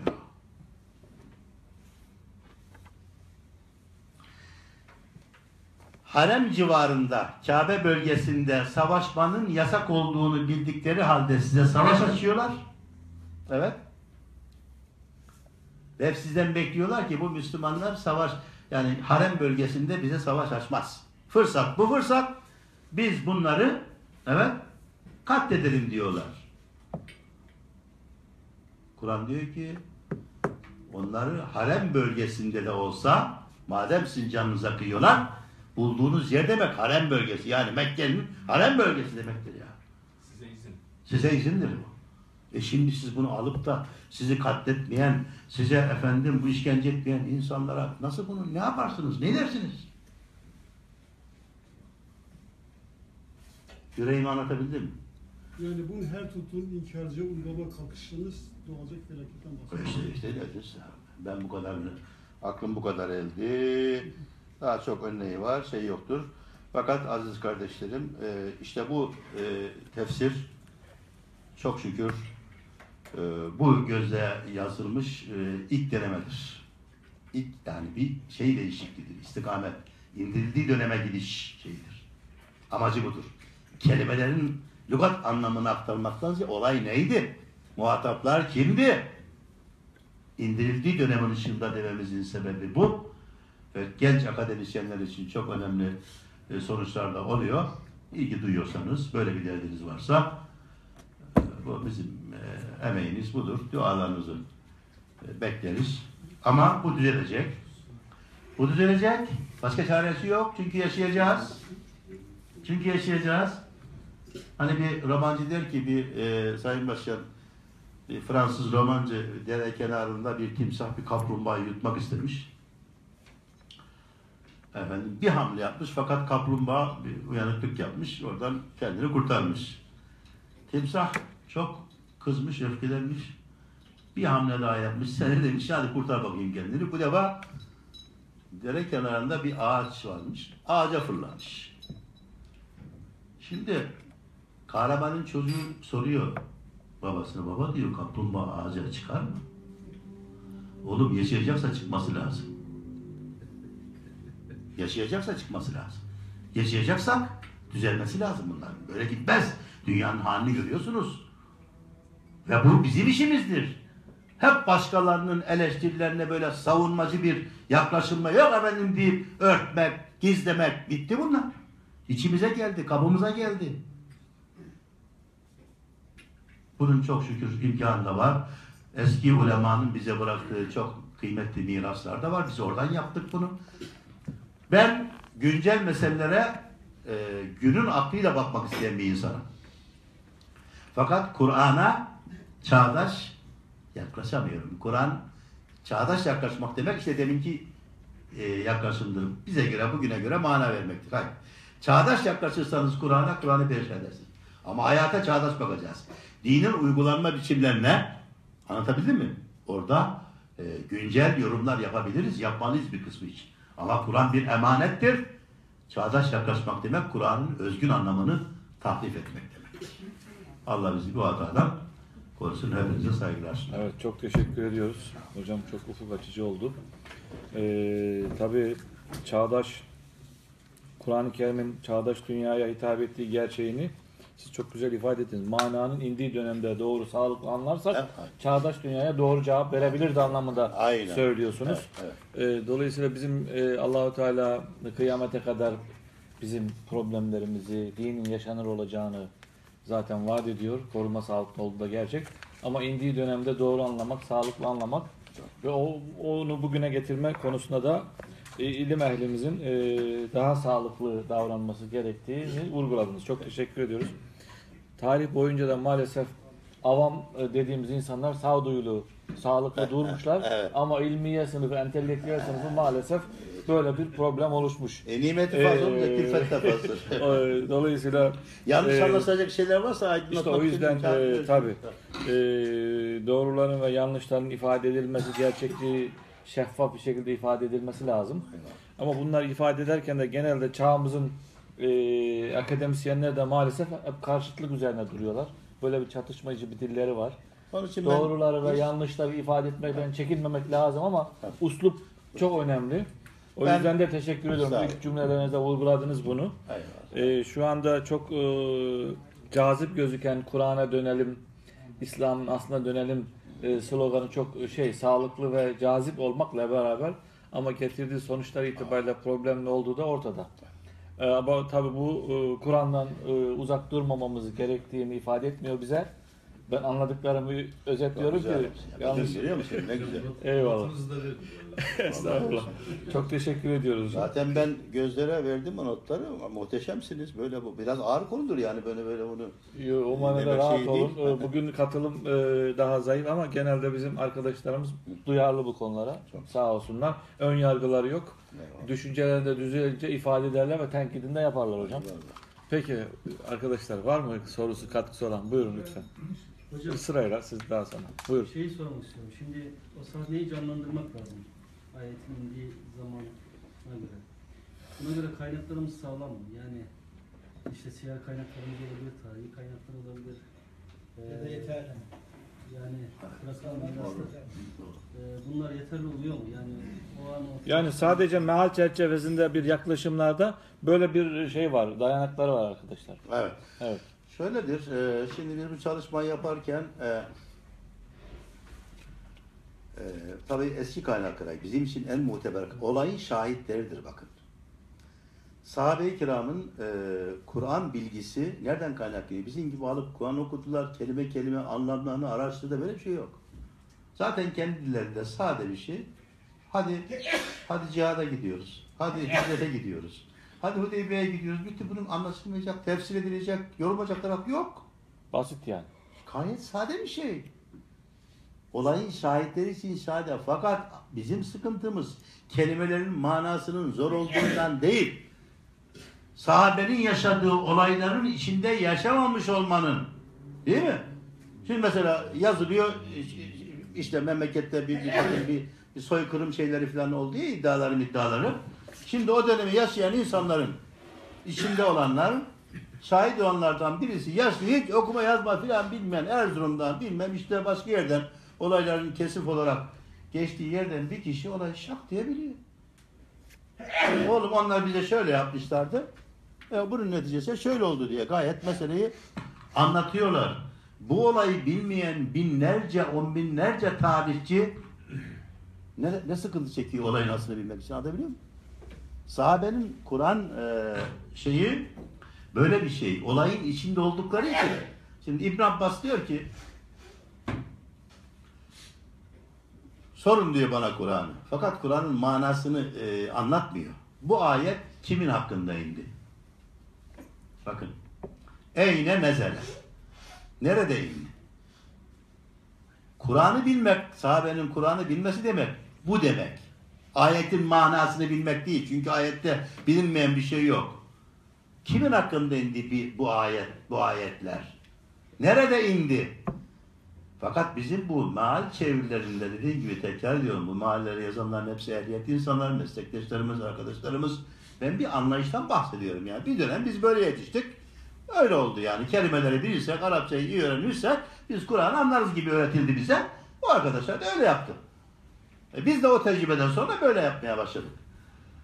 Dolayısıyla e, sahabenin Kur'an e, bilgisi olaya şahit olmaktan kaynaklanıyor. Ve Maturidi der ki Kur'an'ın ne manaya geldiğini sahabe bilir. Biz sahabeden öğrenmeliyiz. Bakın. Ama biz sahabeden kelimelerin tahlillerini öğreniyoruz. Şu manaya gelir falan gibi. Öyle değil. Nerede indi, kimin hakkında indi? Mesela bulursan, biraz önce okuduğum ayetler var ya Bakara 6. ayetler, kafirler falan meselesi. Hep bunun gibi. Muhatabını bilirsen e, ayetin manasını anlıyorsun.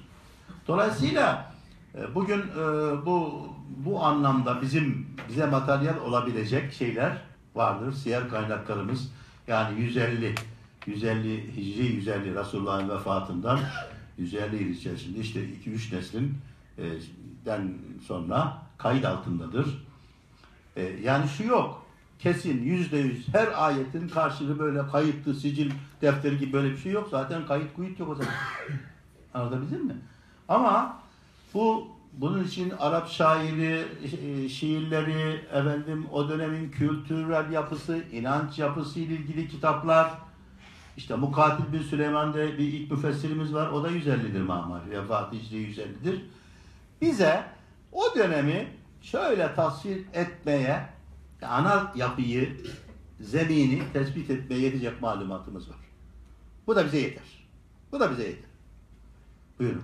Hocam, Pardon sıra burada. Bir dakika. Ben bağlantılı bir soru soracağım da hocam. İyi peki sor bakalım. Ehli sünnetin İslam dünyasında yaygın olmasının sebebi Kur'an'ın uygulama yöntemiyle intikal etmesinden midir? Yani bir Vahabiliğe, Şiiliğe göre ehl sünnet sayısal olarak çok daha fazladır. Buna bir temel dinamik olarak bu sebebi gerekçe gösterebilir miyiz? Hangi sebebi? Uygulamışlığını mı? Tabii yani nedir? Sö- Söylediğimiz sahabenin yaşamıdır. Evet, evet. Kur'an'ı böyle anlar. Evet, evet. Yaşanan bir şey olduğu için de çok daha kolay yayılmıştır diyebilir miyiz? diyebiliriz. Ama onun da boşlukları var. O da bir iddiadır. Biraz yani her şeyde biraz şey düşünmek lazım. Yani ehli sünnet dediğimiz mesele de e, çok e, öyle hazır birkaç cümleyle derin bir konu yani. ifade edilebilecek bir şey değil. Yani ehli sünnet dediğiniz netice itibariyle bugün bütünkü Müslüman dünyadır. Yani Ha, yani temel sebeplerinden Evet, biri- olabilir, olabilir. O gün, o gün için bugünkü algı da değişmiş olabilir. Farklı. Bugün gördüğünüz fıkhıyla, kelamıyla, tasavvufuyla, tefsiriyle, hadisimiyle gördüğümüz dünya işte başka bir şey yok ki. Zaten belli bir iki mezhep, bir mezhep var dışarıda. Yani e, bir dışarıda dediğim yani ehl sünnetin dışında görülen o kadar. Başka bir şey yok. Ya buralarda artık biraz müdakkik olup biraz meseleyi incelemeye gerektiren bir şey.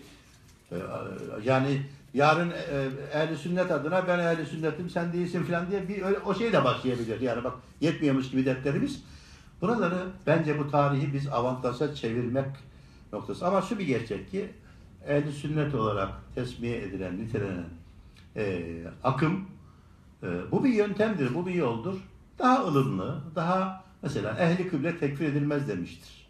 Kıbleye dönüyorsa bir adam biz ona bir şey diyemeyiz filan diye. Daha böyle o aşırı çatışmaların içerisinde daha bir orta yol Daha e, sokaktayız. efendim O daha o anlamda bir şey. Evet. Anlatabildim mi? Yani bu kadar diyebilirim. Buyurun. Buyurun. Zaten bu Kur'an-ı Kerim'i da mealini okurken ayetlerdeki o işte ey kafirler veya da nerede bulursanız öldürün, katledin buyur denmiştir gibi şeyler eğer Peygamber Efendimiz döneminde ve sonrasındaki ilk e, sahabe döneminde bizim şimdiki anladığımız gibi anlamış olsalardı tebliğ olmazdı zaten. Ve o dönemlerdeki mesela Peygamber Efendimiz döneminde olsun ve Ebu Bekir Ömer zamanında falan olsun o dönemlerde o zaman devletin sınırları içinde gayrimüslim de kalmaması lazım. Tabii, tabii. Durduğunuz yerde öldürün herkese şan ise o zaman orada e, şeyin kalmaması Tabii. lazım. Bakın önemli bir nokta. Yani Hiçbir gene- uygulama yok yani. gene gene ehl sünnet dediğimiz ağırlıklı yapının içerisinde e, bu, bu da mesela tolere edilmiştir. Bir sürü işte İstanbul'un fethini düşünün. Değil mi?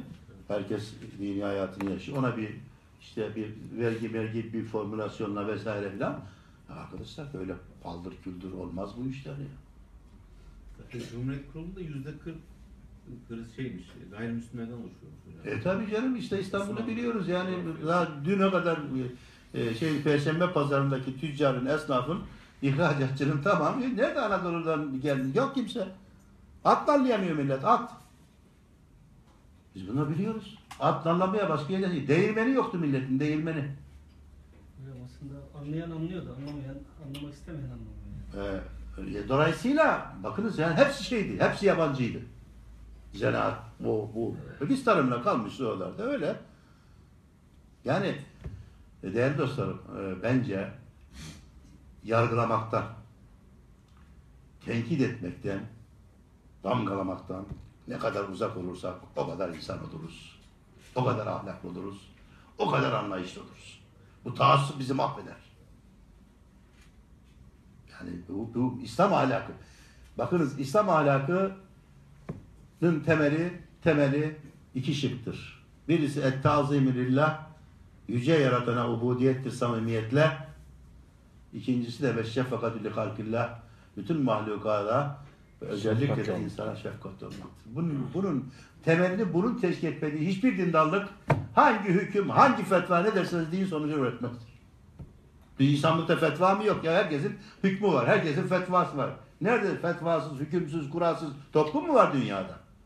Ama İslam, İslam'ın temeli hükmün altına, fetvanın altına Allah'a samimi bağlılık ve insanlara karşı merhamet nazarıyla bakmak. Temel bu. Bunun üzerine kurulmalıdır mesele.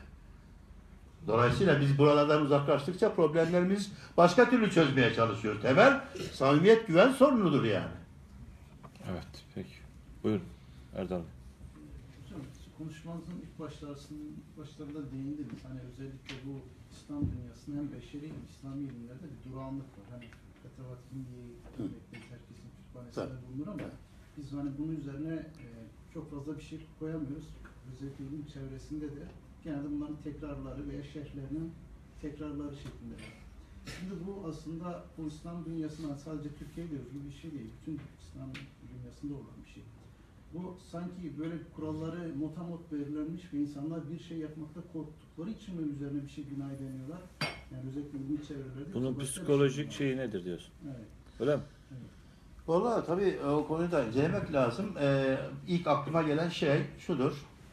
Bir, bu ilim adamının kendisine böyle bir misyon biçmemesinden kaynaklanıyor. O yetişme tarzı öyle geliyor. Dediğimiz gibi hala doktora gelmiş. Doçentlik imtihanına gelecek. Ee, Dediğim gibi bir sene önce yazmış olan bir ibareyi okumaya not veriyoruz. Böyle. O bir.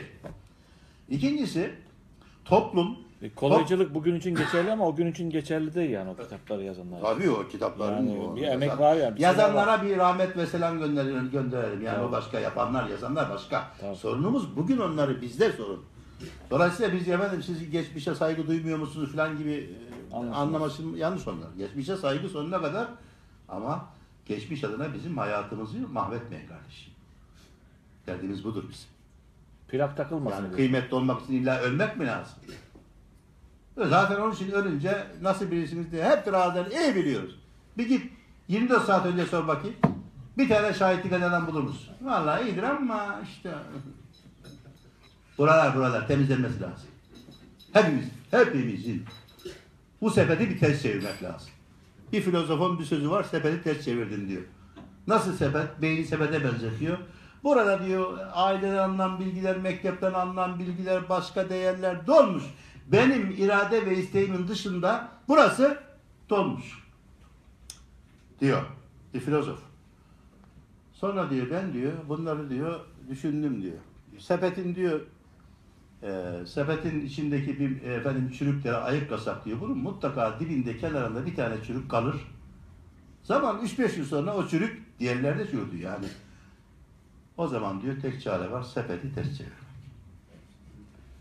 Ondan sonra tazeyi, temizi yeni baştan tek tek koymak. Hayatımızda en az bir defa sepeti ters çevirmeliyiz.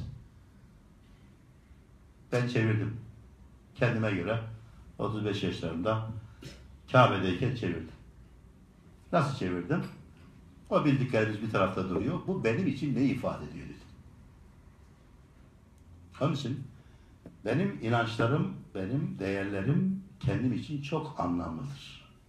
Bana dediler ki hocam not al, şu yazıldı mı diyorum mesela. Hocam bir kelime, o bir kelime çok değerli. Çünkü benim sözüm. Kendinize değer verirseniz, inancınıza da değer verirsiniz.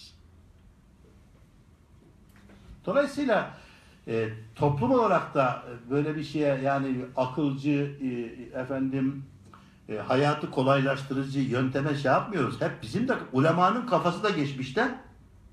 Evet deminki dediğim sebeplerle. Halkta öyle. Yani şimdi benim söylediğim şeyleri e, yahut güncel burada bir hocanın sözler sözlerini dinlerken ya filan diyebilirsiniz. Fakat aynı sözleri ben size şimdi bir mevtaya, mevtanın sözleri olarak mesela Ebu filan deyin, diyeyim. Bakın ne kadar güzel karşılarsınız. Bir de böyle bir yanımız da var yani. Anlatabiliyor muyum? Halk da bu işe alışmadı. Arıyor. Onun için. Dolayısıyla algı yönetiminde bir problem var evet mesela bana Ebu Hasan yok ne diyelim benim oğlumun adı Fatih. Ebu Fatih. Gal Ebu Fatih dediğimiz zaman çok anlamlı olur. Ama Hasan Elik dediği zaman değil. Anlatabildim mi? Biraz da bu psikoloji var mı üzerimizde yok mu? Psikoloji şeyden kaynaklanıyor sanıyorum. Hocam şimdi bize mesela toplum olarak yetiştirdiğince sonuçta biz insanların yorumlarını, düşüncelerini bize din olarak telkin ediliyor toplum olarak, genel olarak. Evet. Adam şimdi yoruma, yoruma katılmadığı zaman sanki Kur'an'ı Allah'ın Allah'ın mesajını ter- terk etmiş gibi, e, sanki inkar etmiş gibi Ondan korktu ve öyle şartlandırdığı için zaten ha, falan hoca şöyle dedi, filan böyle dedi. E ben kim olur? Ben o zaman bir sesimi çıkarayım. Evet, evet. Bu hep bizim problem. İşte orada desteğe ihtiyacımız var. Ya öyle öyle 3. 5. sınıf kitaplar şey yapıldı ki Türkiye'de inanır mısın bunu yazacak çok daha güzel insanlar var, ehliyetli insanlar. Gitti be, bir zaman bir şey işte böyle bilmem İran'dan yahut bir başka İslam ülkesinden hiç yani böyle kıymet olmayan bir eser. Sıradan bir şey. Onu çevir çevir. Niye? Yabancı isim olunca evet. Git oradan da Hans'ın bir kitabı diye öbür taraftan çevir aman böyle. Hasan'ı çiz, Hans yaz. Gene makbul. Yani biz böyle problem. Aynı sizin ürettiğiniz, sattığınız mallarda niye bütün şuraların hepsine yabancı marka yazıyor arkadaşlar? Niye yazılıyor? Bizde yapılıyor, başka marka yazılmıyor mu? Oysa, Yazanların çoğuna bakıyorlar. evet. Kitapların öğretlerine bakıyorlar. Hiçbir şeye yaramaz. Tabii iyi yazanlar da arada gidiyor.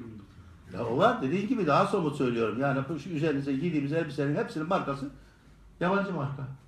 Halbuki hepsi burada üretilmiyor mu? Ya onun için mesele sadece din alanı içine sıkışarak çözecek mesele değil. Umumi, genel bir açış lazım. Toplam kalitede problem Evet, tabii. evet toplam kaldı. Evet. Buyur Mahmut abi. Hocam e, uzun yıllar Mekke'de kaldınız. Evet. Bu e, tefsir yazarken orada kalmış olmanız da size bir ilham verdi mi? Bugün için böyle çalışanların her ne kadar arada 1400'e geçmiş olmasına rağmen gidip orada kalmanın hala fayda olacağına inanıyor musunuz? Bir sorun bu. İkincisi şu, ya da arkadaşın söylediğine bağlantılı. Dediniz ya hep eskiyi okumakla da bu iş olmaz. Geçen de arkadaşım şöyle bir şey demişti. Ya demişti ki eskiden mum vardı. Şimdi elektriğe döndük. Eğer hala mumun daha iyisini yapalım, daha farklı yapalım, nereye giderdik ki? Hmm. Yani bir tık atlamamız gerekir. Yoksa bir yani elektriğe geçebilmek için mumu geliştirmek Aynen yetmez. Bir tık adı elektriğe geçmemiz gerekir. Aynen öyle. Bu da Di- aynı o şey midir? Dini alandaki şeyi çok güzel izah eden, belki saatlerce konuşmanın temin edemeyeceği neticedir bu. Bizim din ilimlerinde ki şeyimizi bu çok şey yapıyor. Hala biz orayı diriltmek, hala ölüleri diriltme çabasındayız biz. Geçmişe saygı. Ebu Hanife'nin ben gittim Mısır'da İmam Şafii'nin kabrinde gözyaşı döktüm sabah namazında. Perişan bir şekilde. Dehşet bir şeydir yani bu, bu büyük, büyük bir, bir deha bunlar. İmam-ı Azam bu dünyanın büyük bir mirasıdır yani. Bunlar başka bir şey arkadaşlar. Ama kendimizi şey yapıyoruz yani hayatı ölüme feda ediyoruz. Ölüm bizim için daha anlamlı hayattan. Onun için öl, öl, öl- kutsal olmak için, önemli olmak için, değerli olmak için ölmek lazım. Onun için ben dedim ki bak bana husus şehadette bulunacaklar. E, şimdiden bulunsun. tamam mı? Ötekini ya duyarım ya duymam. Dolayısıyla bu bahsettiğiniz şey budur. Hala kuyular bahsi Allah aşkına. Şimdi gidin bakın. Bunları dediğim gibi tamamen bu işin müntesiplerinden bir mümin olarak duyduğum feryadı, acıyı dile getiriyorum. Asla kötü niyetim yok, yargılama yok, başka bir amaç. Hep biz bu teknenin hamuruyuz ya. Ben 6 yaşında Kur'an'ın yoluna çıkmış bir efendim e, kardeşinizim. Ama gidin bakın hala kuyular bahsi okunuyor. Kuyular. Medine'ye gittik biz. Medine'de namaz kılıyoruz. İşte o madem harem dediniz. Geldi adamcağız. Ee, böyle elinde bir şey, kitap var. Fıkıh kitabı var.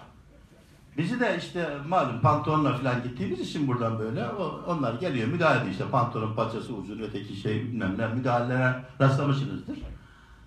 Ben de ben bakayım dedim. O, o bizim pantolonun paçasına baktı. Ben de onun kitabına baktım. Kitaba baktım. Kitabı labar, kuyular bahsediyor. Bak haremde mihrabın sağında oturan bir adam. Ve orada halkalar okudu. Ya kuyu mu kaldı memlekette? Adam getirdi Kızıldeniz'den suyu pompaladı. Tahliye etti. Hala bizimki kuyu var. İşte bundan farkı var mı bu? Yani çok ciddi bir şeyimiz. Daha hiç yaşadığımız hayata, güncel hayata göre bir hazırlığımız yok. Fakat bunu e, dış yaşamda yahut teknolojide becerdik, başardık. Hayat itti bizi, değil mi? Çağ, çağdaşlığa karşı çıkma, e, o çağdaşlık lafı da tabii hangi anlamda, o da karışık Yaşanır, işte. gü- günün yaşanırlığı Günün anlamda. yaşanımlı anlamında biz söyleyelim. Tabii. Muasır anlamında. Evet. E, Kardeşim her şeyimiz yerinden en büyük teknoloji. Üretenlerden çok bizde var şu anda. Üretenlerden çok Varın diyorlar ki en lüks arabanın üretildiği yerde mi fazla, bizde mi fazla, bizi gidiyorlar. Cep telefonunun envai çeşidi nerede? Ama bu tarafta bir şey yok. Bu taraf fevkalade şey. Yani kapalı bir şey.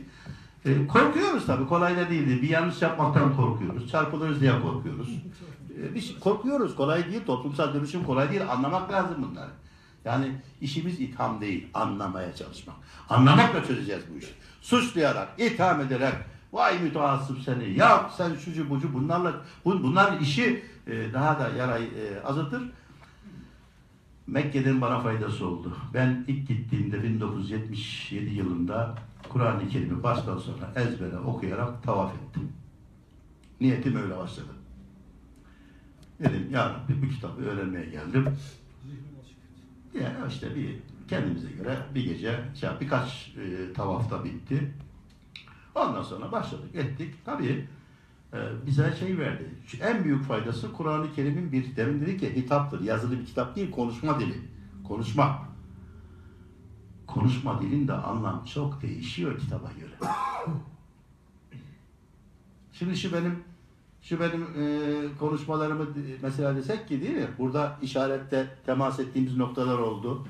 Hepiniz bildiğiniz için kafa sallıyorsunuz. Bunu kitaba getirdiğiniz zaman bu kafa sallamalar girmiyor işte. Jest mimikler girmiyor. Girmiyor. O zaman bu ortamdan soyutlayın bu konuşmaları, kitap haline getirin, ne çıkıyor? Anlatabiliyor muyum? Orada ben konuşma dilinin kitabi dilin kafi gelmediğini öğrendim Mahmut Bey. Bizim yöntemimizde, Arapça yöntemimizdeki gramer ağırlıklı kitabi dil öğrenmenin Kur'an'ı anlamak için yeterli olmadığını, mutlaka konuşma dilini, şifahi kelamı öğrenmek, onun özelliklerini kavramak gerektiğini öğrendim. Bölgeyi, coğrafyayı tanımış olmak başka şey verdi. Ee, dolayısıyla e, oradan döndük ama aması yok. İşte herkes başka türlü görüyor, ediyor. Yani gidiyorsunuz da oraya, öteki de başka türlü görüyor. Bu biraz da kişisel şeyler yani. Niyetiniz, çabanız. Yani oraya git, hareme git 14 sene otur, oku, otur, gel. Böyle olur diye bir şey yok. Hatta evet bizi hala ya sen yani orada insan daha başka türlü düşünmen lazım diyenler çok mesela. Ee, anlatabildim mi? Yani avantaj mı dezavantaj mı bunu da değerlendirmek ee, başka bir şey ama ben istifade ettim çok şükür. Oraya gitmesem e, bu kadar şey yapamazdım. Hadiste doktora yaptım. Konuyu kendimize anlatıyormuş havasına bürümek istemem. Bir de burada şunu söyleyeyim. Artık burası ilmi bir meclis anlaşıldı. Ee, ben doktoramı hadiste yaptım. Yüksek lisans tefsirde, doçentlik tefsirde, profesörlük tefsirde. Şimdi bizim problemlerimizden birisi de hadis ve Kur'an'ın ayrı ayrı ilim dalları kabul edilmesinden kaynaklı. Çok sıkıntılı bir alan. Hiç yani Kur'an çalışıyor ama hiç hadis şeyle alakalı değil. O dünyaya girmemiş. Veya sadece hadisle, rivayetler içinde kalıyor. Hiç Kur'an şeyle alakası yok. Onun için mesela Mısır'da, El Eser'de bile kitap ve sünnet bir bölümdür. Bir bölümdür. Ve biz hem hadis kaynaklarını hem tefsir kaynaklarını birlikte okuduk. Ve tercihen de birisinde yüksek lisans, master, birisinde doktora yapmak tavsiye edilir. Bu e, bu anlayışa gelmemin sebeplerinden birisi de hem hadis hem e, tefsir alanında çalışmış olmaktır diyebiliriz. Ama daha yolun e, başında çok eksiğimiz var. Dua edelim, iyi niyette birbirimize enerji verelim de hep, hep iyiye gidelim. İnşallah. Evet İsmail buyur. E, çok teşekkür ediyorum hocam. Ben derse girmeden ben e, kitapları masa üzerine baktım.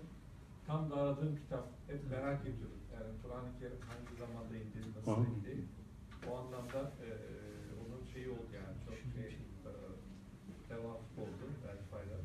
Tabii bu e, şekildeki şeylerin artması için hocam. Yani hakikaten işte bir İmam-ı Azam, İmam Şafii gelmesi için e, neler yapmak lazım? Yani o sayıyı arttırmak, farklı bakış açıları. İlim ehlinin güncellemesi nasıl, nasıl olacak? Bu zamanda yani Update yapalım. Bu seviyede. Bunun bunun için e, ilk şart önümüzde doğru anlaşılmış bir Kur'an olması lazım. Yani bu deminki söylediğim şeylerin pençesinden kurtulamayan bir zihin asla bunun üzerine bir çalışma yapamaz. İlk anlamı tespit etmeden ve zeminimiz orası çünkü Kur'an. olmaz. Olmaz. Ama tarihsellik suçlamasıyla oraya fren basıyorlar. Ee, Orada da bir yanlış anlaşılma var. Tarihsellikle suçlanıyor. Valla beni çok yere koymak istediler. Baktılar ki hiçbir yere sevmiyor. Yok yok şahsın için söylemedim. Böyle yaklaşıma tarihsellik diyerek şey yapıyorlar. E, refi- refüze ediyorlar. Ve e, var öyle bir şeyler de ama ben dediğim gibi ben hadisle tefsiri birleştirme çabasında olan bir insanım. Bu zaten işin e, sonuçlarını da etkileyen bir şeydir. Anlatabildim mi? Dolayısıyla e, evet, ilk an, ilk şey bence Kur'an-ı Kerim'i doğru anlamak ve sizlerin önüne mutfakta çok çalışılmış bir kitap vermektir. Öyle sipariş üzerine, falan görüş üzerine, filan görüş üzerine, falan yayın evi üzerine. Eh, şu kitabı yazarken hiçbir müdahale, hiçbir fikir ve görüş baskısı ve etkisine kalmış değiliz. Tamamen vicdanımızla baş başayız. Bir defa bu hürriyet olması lazım. Sizin de bu ortama katkıda bulunmanız lazım. Nice insanlar var, nice cevherler var. Fakat e, korkuyor adamcağız, destek istiyor. Anlatabiliyor muyum? İnsanoğlu buna muhtaçtır. Korumamıza, himayemize birbirimizin muhtacız arkadaş. Dolayısıyla sizin bu anlamda katkınız olabilir. Ulema için bu yolda yürüyecekler için de ilk önce bu ilk anlamın nüzül döneminde, indirdiği dönemdeki anlamın tespiti şart. Onu yapabilirsek bakın onun üzerine neler kurarız, neler neler neler neler. O zaman Ebu Hanifi'ye, Ebu Yusuf'a pirimiz diye rahmet okuruz. Ee, o yöntemden de istifade ederiz. Çok şey yapılabilir ama Hadisler, hadisler üzerinde de çok tartışmalar var. Evet. Soruya gir. Buyur Üstad. Ee, hocam e, ilginç bir şey duydum. Yani hadis ve tefsirle e, yeni bir yorumla. Mesela hadisçilerin hadis tanımı farklı, tefsircilerin hadis e, tanımı farklı. Evet. Siz şimdi bu iddianızla nasıl bir yorum getirirsiniz? Yani ikisini nasıl cem edersiniz? Yeni bir hadis e, tanımı. Mesela hadisle... e, nasıl yani- diyorlar size söyleyin okuduğunuzu bakın. Ne diyorlar tanımlarında? Yani zihnimde kalan ha- hadis e, tanımını tefsircilerin farklı anlamla e, tanımladığı, hadisçilerin de farklı. İşte hadisçiler diyor Allah Resulü'nün işte e, takriri, e, konuşması ve e, susması. Ama tefsirciler daha farklı bir. Ne diyorlar? Ya tefsirciler ben de biraz hadisle e, Tamam alakalı güzel olduğu güzel için- aydınlatın bize. Aa, Yok hadisçiler şey tefsircilerin şeyi aklıma gelmedi. de. Tefsir. O- Şimdi benim prensibim şudur. Ben zaten başlangıçtan bu hataya düşersek sonuçlar işte buralara gider. Allah, Kur'an-ı Kerim, Allah'ın kitabı. Hiç peygamberle alakası yokmuş gibi. Hadiste Hazreti Peygamber'in sözleri. Kitap Allah'ın, hadiste onun. Allah'ın dediği e, Kur'an, onun dediği hadis. Allah'ın dediği farz, peygamberin dediği sünnet. Allah fakat peygamberine gerek var. Noktasına gidiyorlar. Onlar tehlikeli işler. Postacı haline geliyor. Anlatabiliyor muyum mesela bu? Arkadaşlar Kur'an konuşurken, Kur'an derken aklımıza hemen Hazreti Peygamber gelmelidir. Çünkü bize bu Kur'an'dır diyen o. Hiçbirimiz Kur'an'ı araştırarak efendim tespitlerimizle bunun Allah kelamı olduğu kanaatine, inancına varmış değiliz. Sahabede böyleydi Hazreti Peygamber ve güvendikleri için onun peygamber olduğunu kabul ettiler. Yoksa Allah'ın peygamber olduğuna dair ellerinde başka bir delil mi vardı? Onun için Hazreti Peygamber deyince akla ilk gelecek olan hadis değildir. Nedir? Kur'an'dır. Bakın. Çok önemli. Biz şimdi yahu o getiriyor peygamberliğinin delili Kur'an. Millet diyor ki bu senin kelamındır, senin uydurmandır diyor müşrikler. O da diyor ki Allah'ın kelamıdır. Onun Muhammed İbni Abdullah'ın yani Abdullah'ın oğlu Muhammed'in peygamber olmasını sağlayan nedir? Kur'an değil midir? Vahiy değil midir? Dolayısıyla Hazreti Peygamberle Kur'an Kur'an'ın arasını açmak felaket bir şeydir. Kelime-i tevhid gibi hocam. Evet. Yani. Tabii. Ama şimdi öbür taraftan da Hazreti Peygamber'i böyle rivayetler üzerine onun şöyle eleştirdiği bu zayıftır dediği, öteki bana göre sahip dediği bir sürü başka bir alan orası yani. Anlatabiliyor muyum? Yani teferruatını açmaya belki vakitte müsait değil. Sizin de iddianızı bilmiyorum. Yani şimdi ben mesela yaptığım hadis çalışmasında 5000 tane hadisin tahriş dediğimiz kaynaklarından testini yapmaya çalıştım. Birisi diyor ki bu bir ulema. Birisi dediğimizde bizim köylü şey değil yani. Bu arası da kesiliyor mu? Diyor ki efendim bu bu hadis diyor Hasan. zayıf, zayıf diyelim. Zayıf. Niye? Hadise bir şey demiyorlar. Zaten ulema hadisin metnini e, değerlendirmez. İşte asas problem orada. Tamam mı? Derler ki biz bu Hazreti Peygamber'in birden bir söz gelmiş. Ne olursa olsun o söz. Sözü, söz e, efendim mahsurlu, mahsursuz önemli değil. Senedine bak. Senede kim getiriyor? İşte sahabeden Ebu Hureyre. Ondan sonra kim aktarıyor? Tabiinden falan. Ondan sonra kim aktarıyor falan. Bu kişilerle karar veriyorlar. Diyor ki bu adam doğru, bu adamın hafızası iyi vesaire. E şimdi o zaman hadislerin sıhhati konusu iştihadi bir konudur.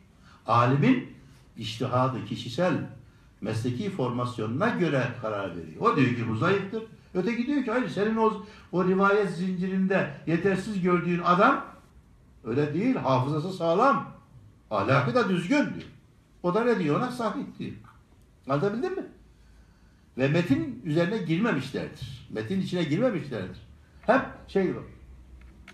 E bunların cem edilmesi zaten biliyorsunuz e, ta 120 Hicri 120'lerde e, yani Ömer İbni Abdülaziz'in emriyle İbni Şahab Ez-Zühri tarafından sondan başa doğru toparlanmıştır hadisler. Sondan başa doğru gidilmiştir. O duymuş, o kimden? Oradan başlayarak e, Hz. Peygamber'den kim duymuştur şeyini tespit noktasına gidilmiştir. Bunun bir takım zorlukları var. Vesaire vesaire. Ee, daha önce bir takım sahifeler vesaire filan gibi vardı ama bunlar çok e, özel ve e, azlıkta olan bir şeyler. Şunu demek istiyorum, olay çok derindir tabii. Asırlardır e, şeydir, tartışma konusu. Şunu demek istiyorum, bizim için lazım olan bu anlamda Hazreti Peygamber'i Kur'an'dan ayıramayız. Kur'an'ı Hazreti Peygamber'den ayırırsak Hazreti Peygamber Kur'ansız, Kur'an'da peygambersiz kalır. O zaman herkes kendisini peygamber zanneder, istediği manayı yükler. Hazreti Peygamber'e de daha ilahlık konumuna getirecek davranışlardan da O tabii gayet tabii. Gayet tabii. Pe- pe- peygamber olarak Resul'dur bu. Onun için bu hadis konusuna e, dediğim gibi çeşitli çalışmaları var. Ben böylece özetliyorum görüşünü yani. evet. Buyur Osman abi. Ee, hocam, e, Kur'an-ı Kerim'in e, indiği e, zaman e, nüzul sebebi o zamanki durum e, yaşam şeyine göre öncelikle anlamamız gerektiğini söylüyorsunuz. E, biz de anlamında sorun yok. Eyvallah. Ee, e, anlamak için soruyorum sadece. Ee, bir ayet-i örnek verdiniz. Bismillahirrahmanirrahim. O katilihum eyne. Vaktuluhum haysu sakıftumuhum. Evet. Vaktuluhum haysu sakıftumuhum. Ya onları gördüğünüz gibi öldürünüz. Şimdi bunu bugüne aktarırsak e, biçmemiz lazım. Halbuki öyle bir şey değil. E, acaba şu ayet-i nasıl anlamalıyız? E, e, ayetin hangi ayet sure olduğunu bilmiyorum ama müminlerle ilgili Allah şöyle buyuruyor Bismillahirrahmanirrahim. Ezilletin alel mu'minine, izzetin alel kafirin. E, bir de Bismillahirrahmanirrahim. Muhammedun Resulullah vellezine ma'hu eşiddâ'un alel küffari. Ama yani şimdi e, mümin Müslüman olmayanlara karşı bizim şeyimiz şefkatli mi olmalıyız? Ya tavrımız nasıl olmalı? Anladım Osman Bey. Osman Bey Evet. makine mühendisidir bu arada. Efendim? Makine mühendisidir. Güzel. İlahiyatçı değil yani. Yok, ilahiyatçılara hepimizin önce bir bir şükran şeyi var ya onlardan önemli ölçüde. Yok yok ilahiyatçı değil diyor ya. Onlardan önce e, yani hep bizim belli ölçüde istifadesi oldu. İster resmi ilahiyatçı olsun, ister şey filan da. Burada konuşmalar başka değerlendirme açısından. Ma- Mahmut Bey ilahiyatçı unutmayın. Evet, yani evet. Efendim Kur'an-ı Kerim'in bu sahnelerinde Kur'an'ın ölçü aldığı şey fiili düşmandır. Vurgu kafir üzerine değildir. Vurgu zulüm üzerinedir. Görüyor musunuz? Eylem. Evet. Sahada sahada fiili düşman. Düşünce cezalandırılmaz mı? Evet. Ve bakın e, duydunuz değil mi genç ilahiyatçılar? Ve la udvane illa ala zalimin. Diyor. Kur'an'ın temel ayetlerinden birisi. Zulümdür, zulüm, zulüm. Bu çok önemli bir şeydir. Aynen deminki o aslında siz işareti verdiniz okuduğunuz ayette. Onları bulduğunuz yerde efendim öldürün meselesi. Neyse bunlar kim? Fiilen Kabe civarında Müslümanları yok etmek için kılıç çekmiş insanlar. Kur'an inanç farklılığından dolayı asla bir savaş yok. Bunu bilememiz lazım.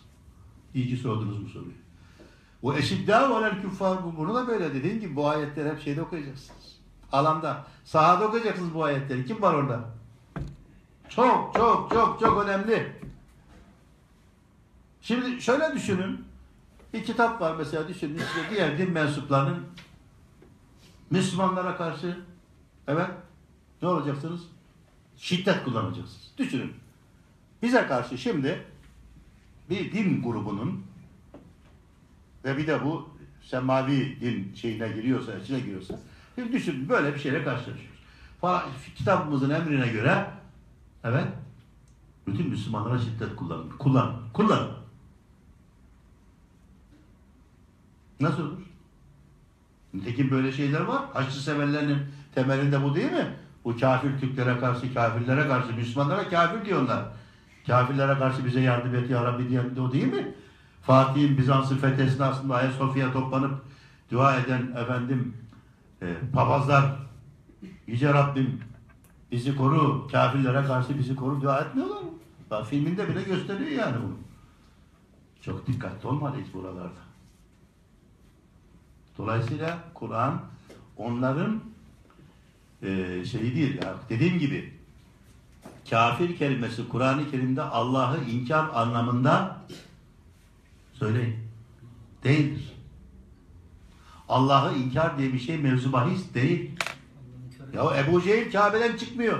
Allah'ı inkar etmiyorlar ki. Et, edemez. Yani Allah'ı inkar ederek yaşam mümkün değil. Bir tasavvuru var kendisine göre. Yani bir üst şey.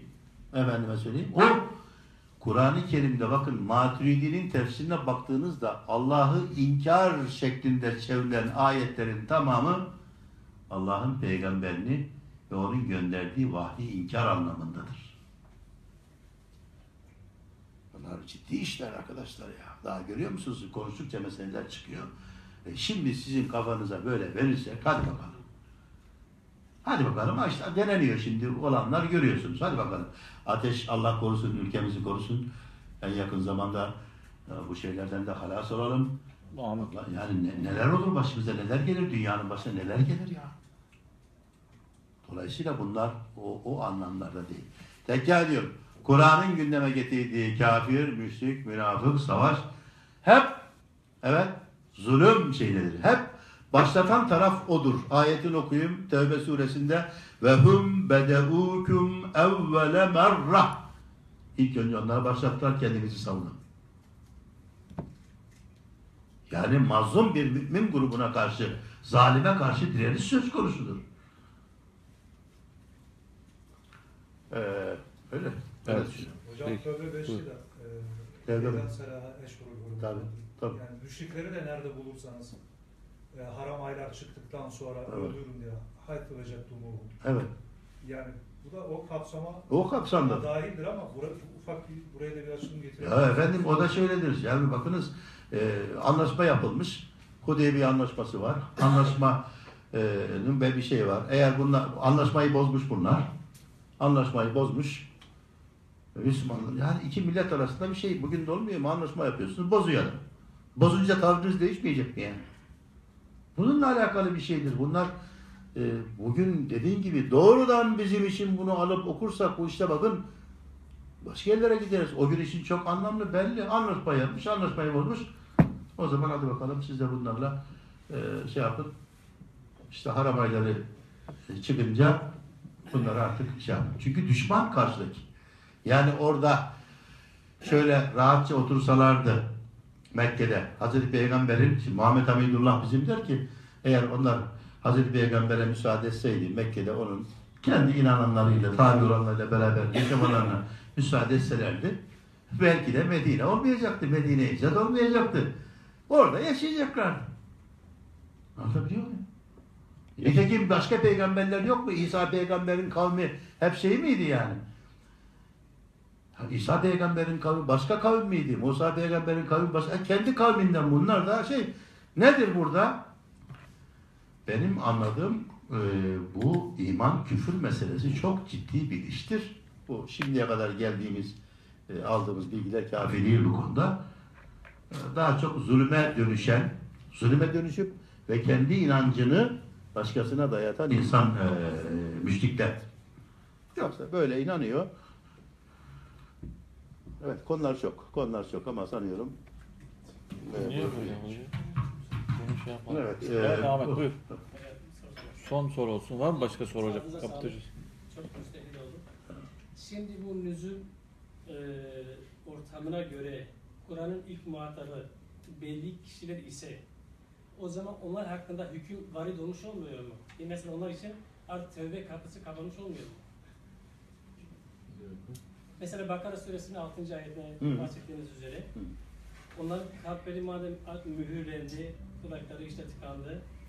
E, o zaman onlar için e, suranın başlangıcı başlamış oluyor değil mi yani? Artık bunlar Tabii. Artık Şimdi hocam onu şey yaptı, ifade etti. Onlar eylemleriyle o hale geldi ki artık Tabii. kapattılar. E. Tabii tabii tabii. Tabii tabii artık onlar o, yani yaşanmışlıkları o hale getirdi yani. Arkadaşlar buna bir cümle ilave ihtiyacı var. Bakınız Kur'an'ın bütün mücadelesi insanların Allah'a karşı vazifelerinin ihmalinden dolayı onları gündeme getirmez. Hocam Bakın çok. Pardon açar mısınız bunu? Bakın, Bunu açar mısınız?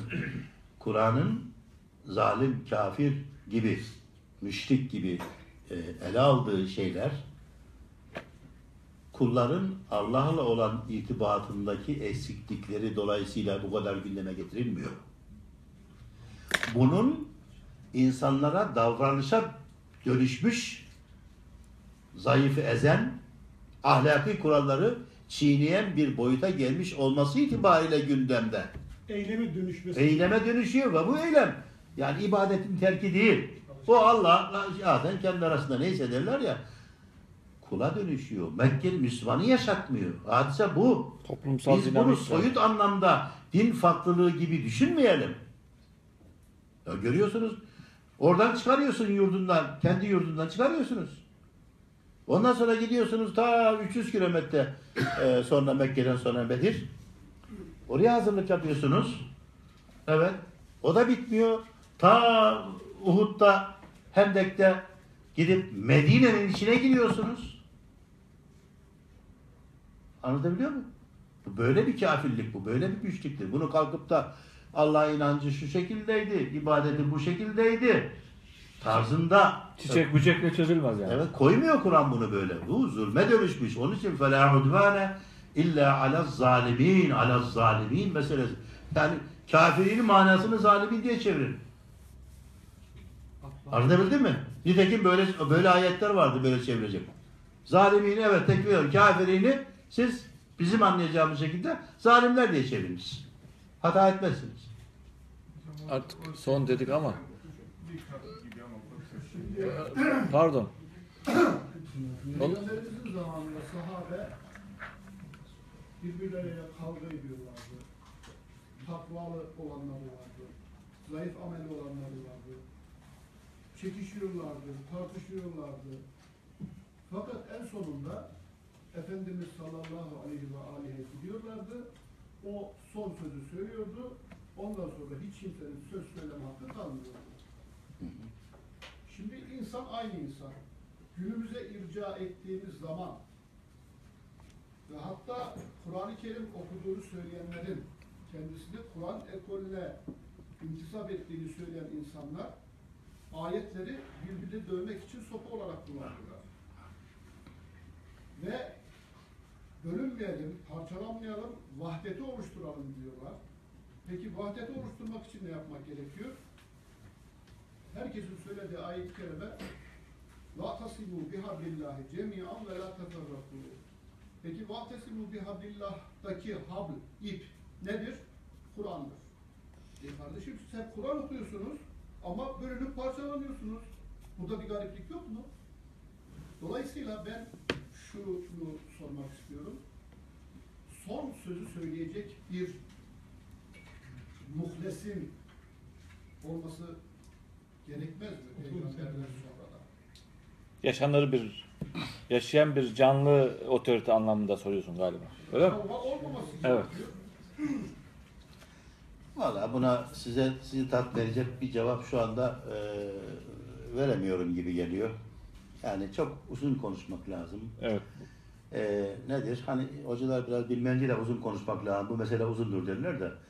E, efendim, Estağfurullah öyle algılamadık hocam. Efendim, Hocam ben nasıl olarak sormuyorum. Anlıyorum. Aklen sor. Ak, aklen bize işte akıl çözer bu işleri. Yani akıl vicdan çözer bu işleri.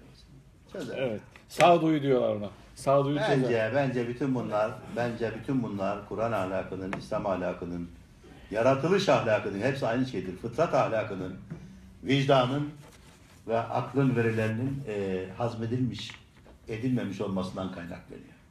Burada problem kişilikte.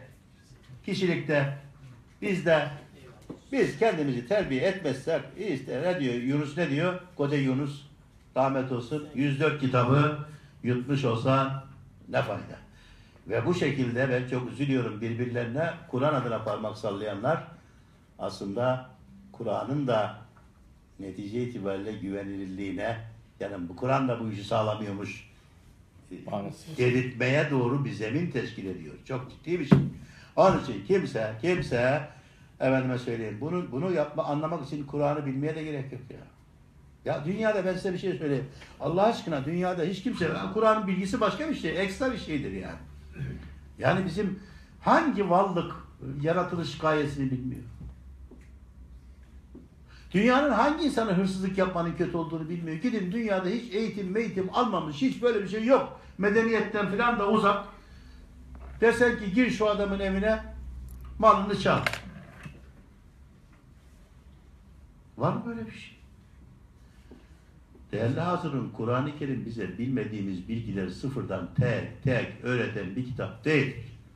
Kur'an-ı Kerim'in içimizde yaratılıştan bildiğimiz fıtri değerleri uygulama yönünde bize moral, takviye, azim, çaba, nasihat işlemini görür.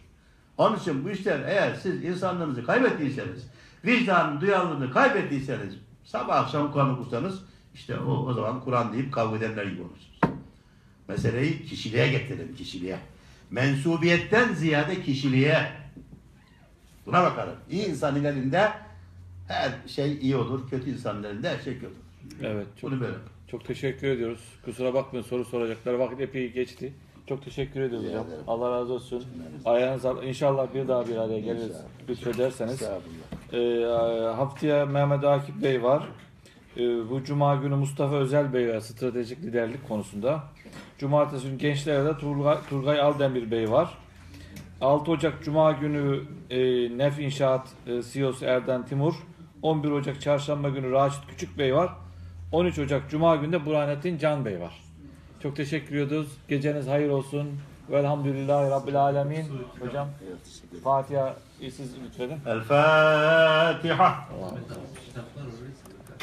Lütfen bu Kur'an tefsirini çıkarken alın arkadaşlar. Tefsir olduğu için imzadan bahsetmeyeceğim. Hocam imza herhalde bilmiyorum olur mu?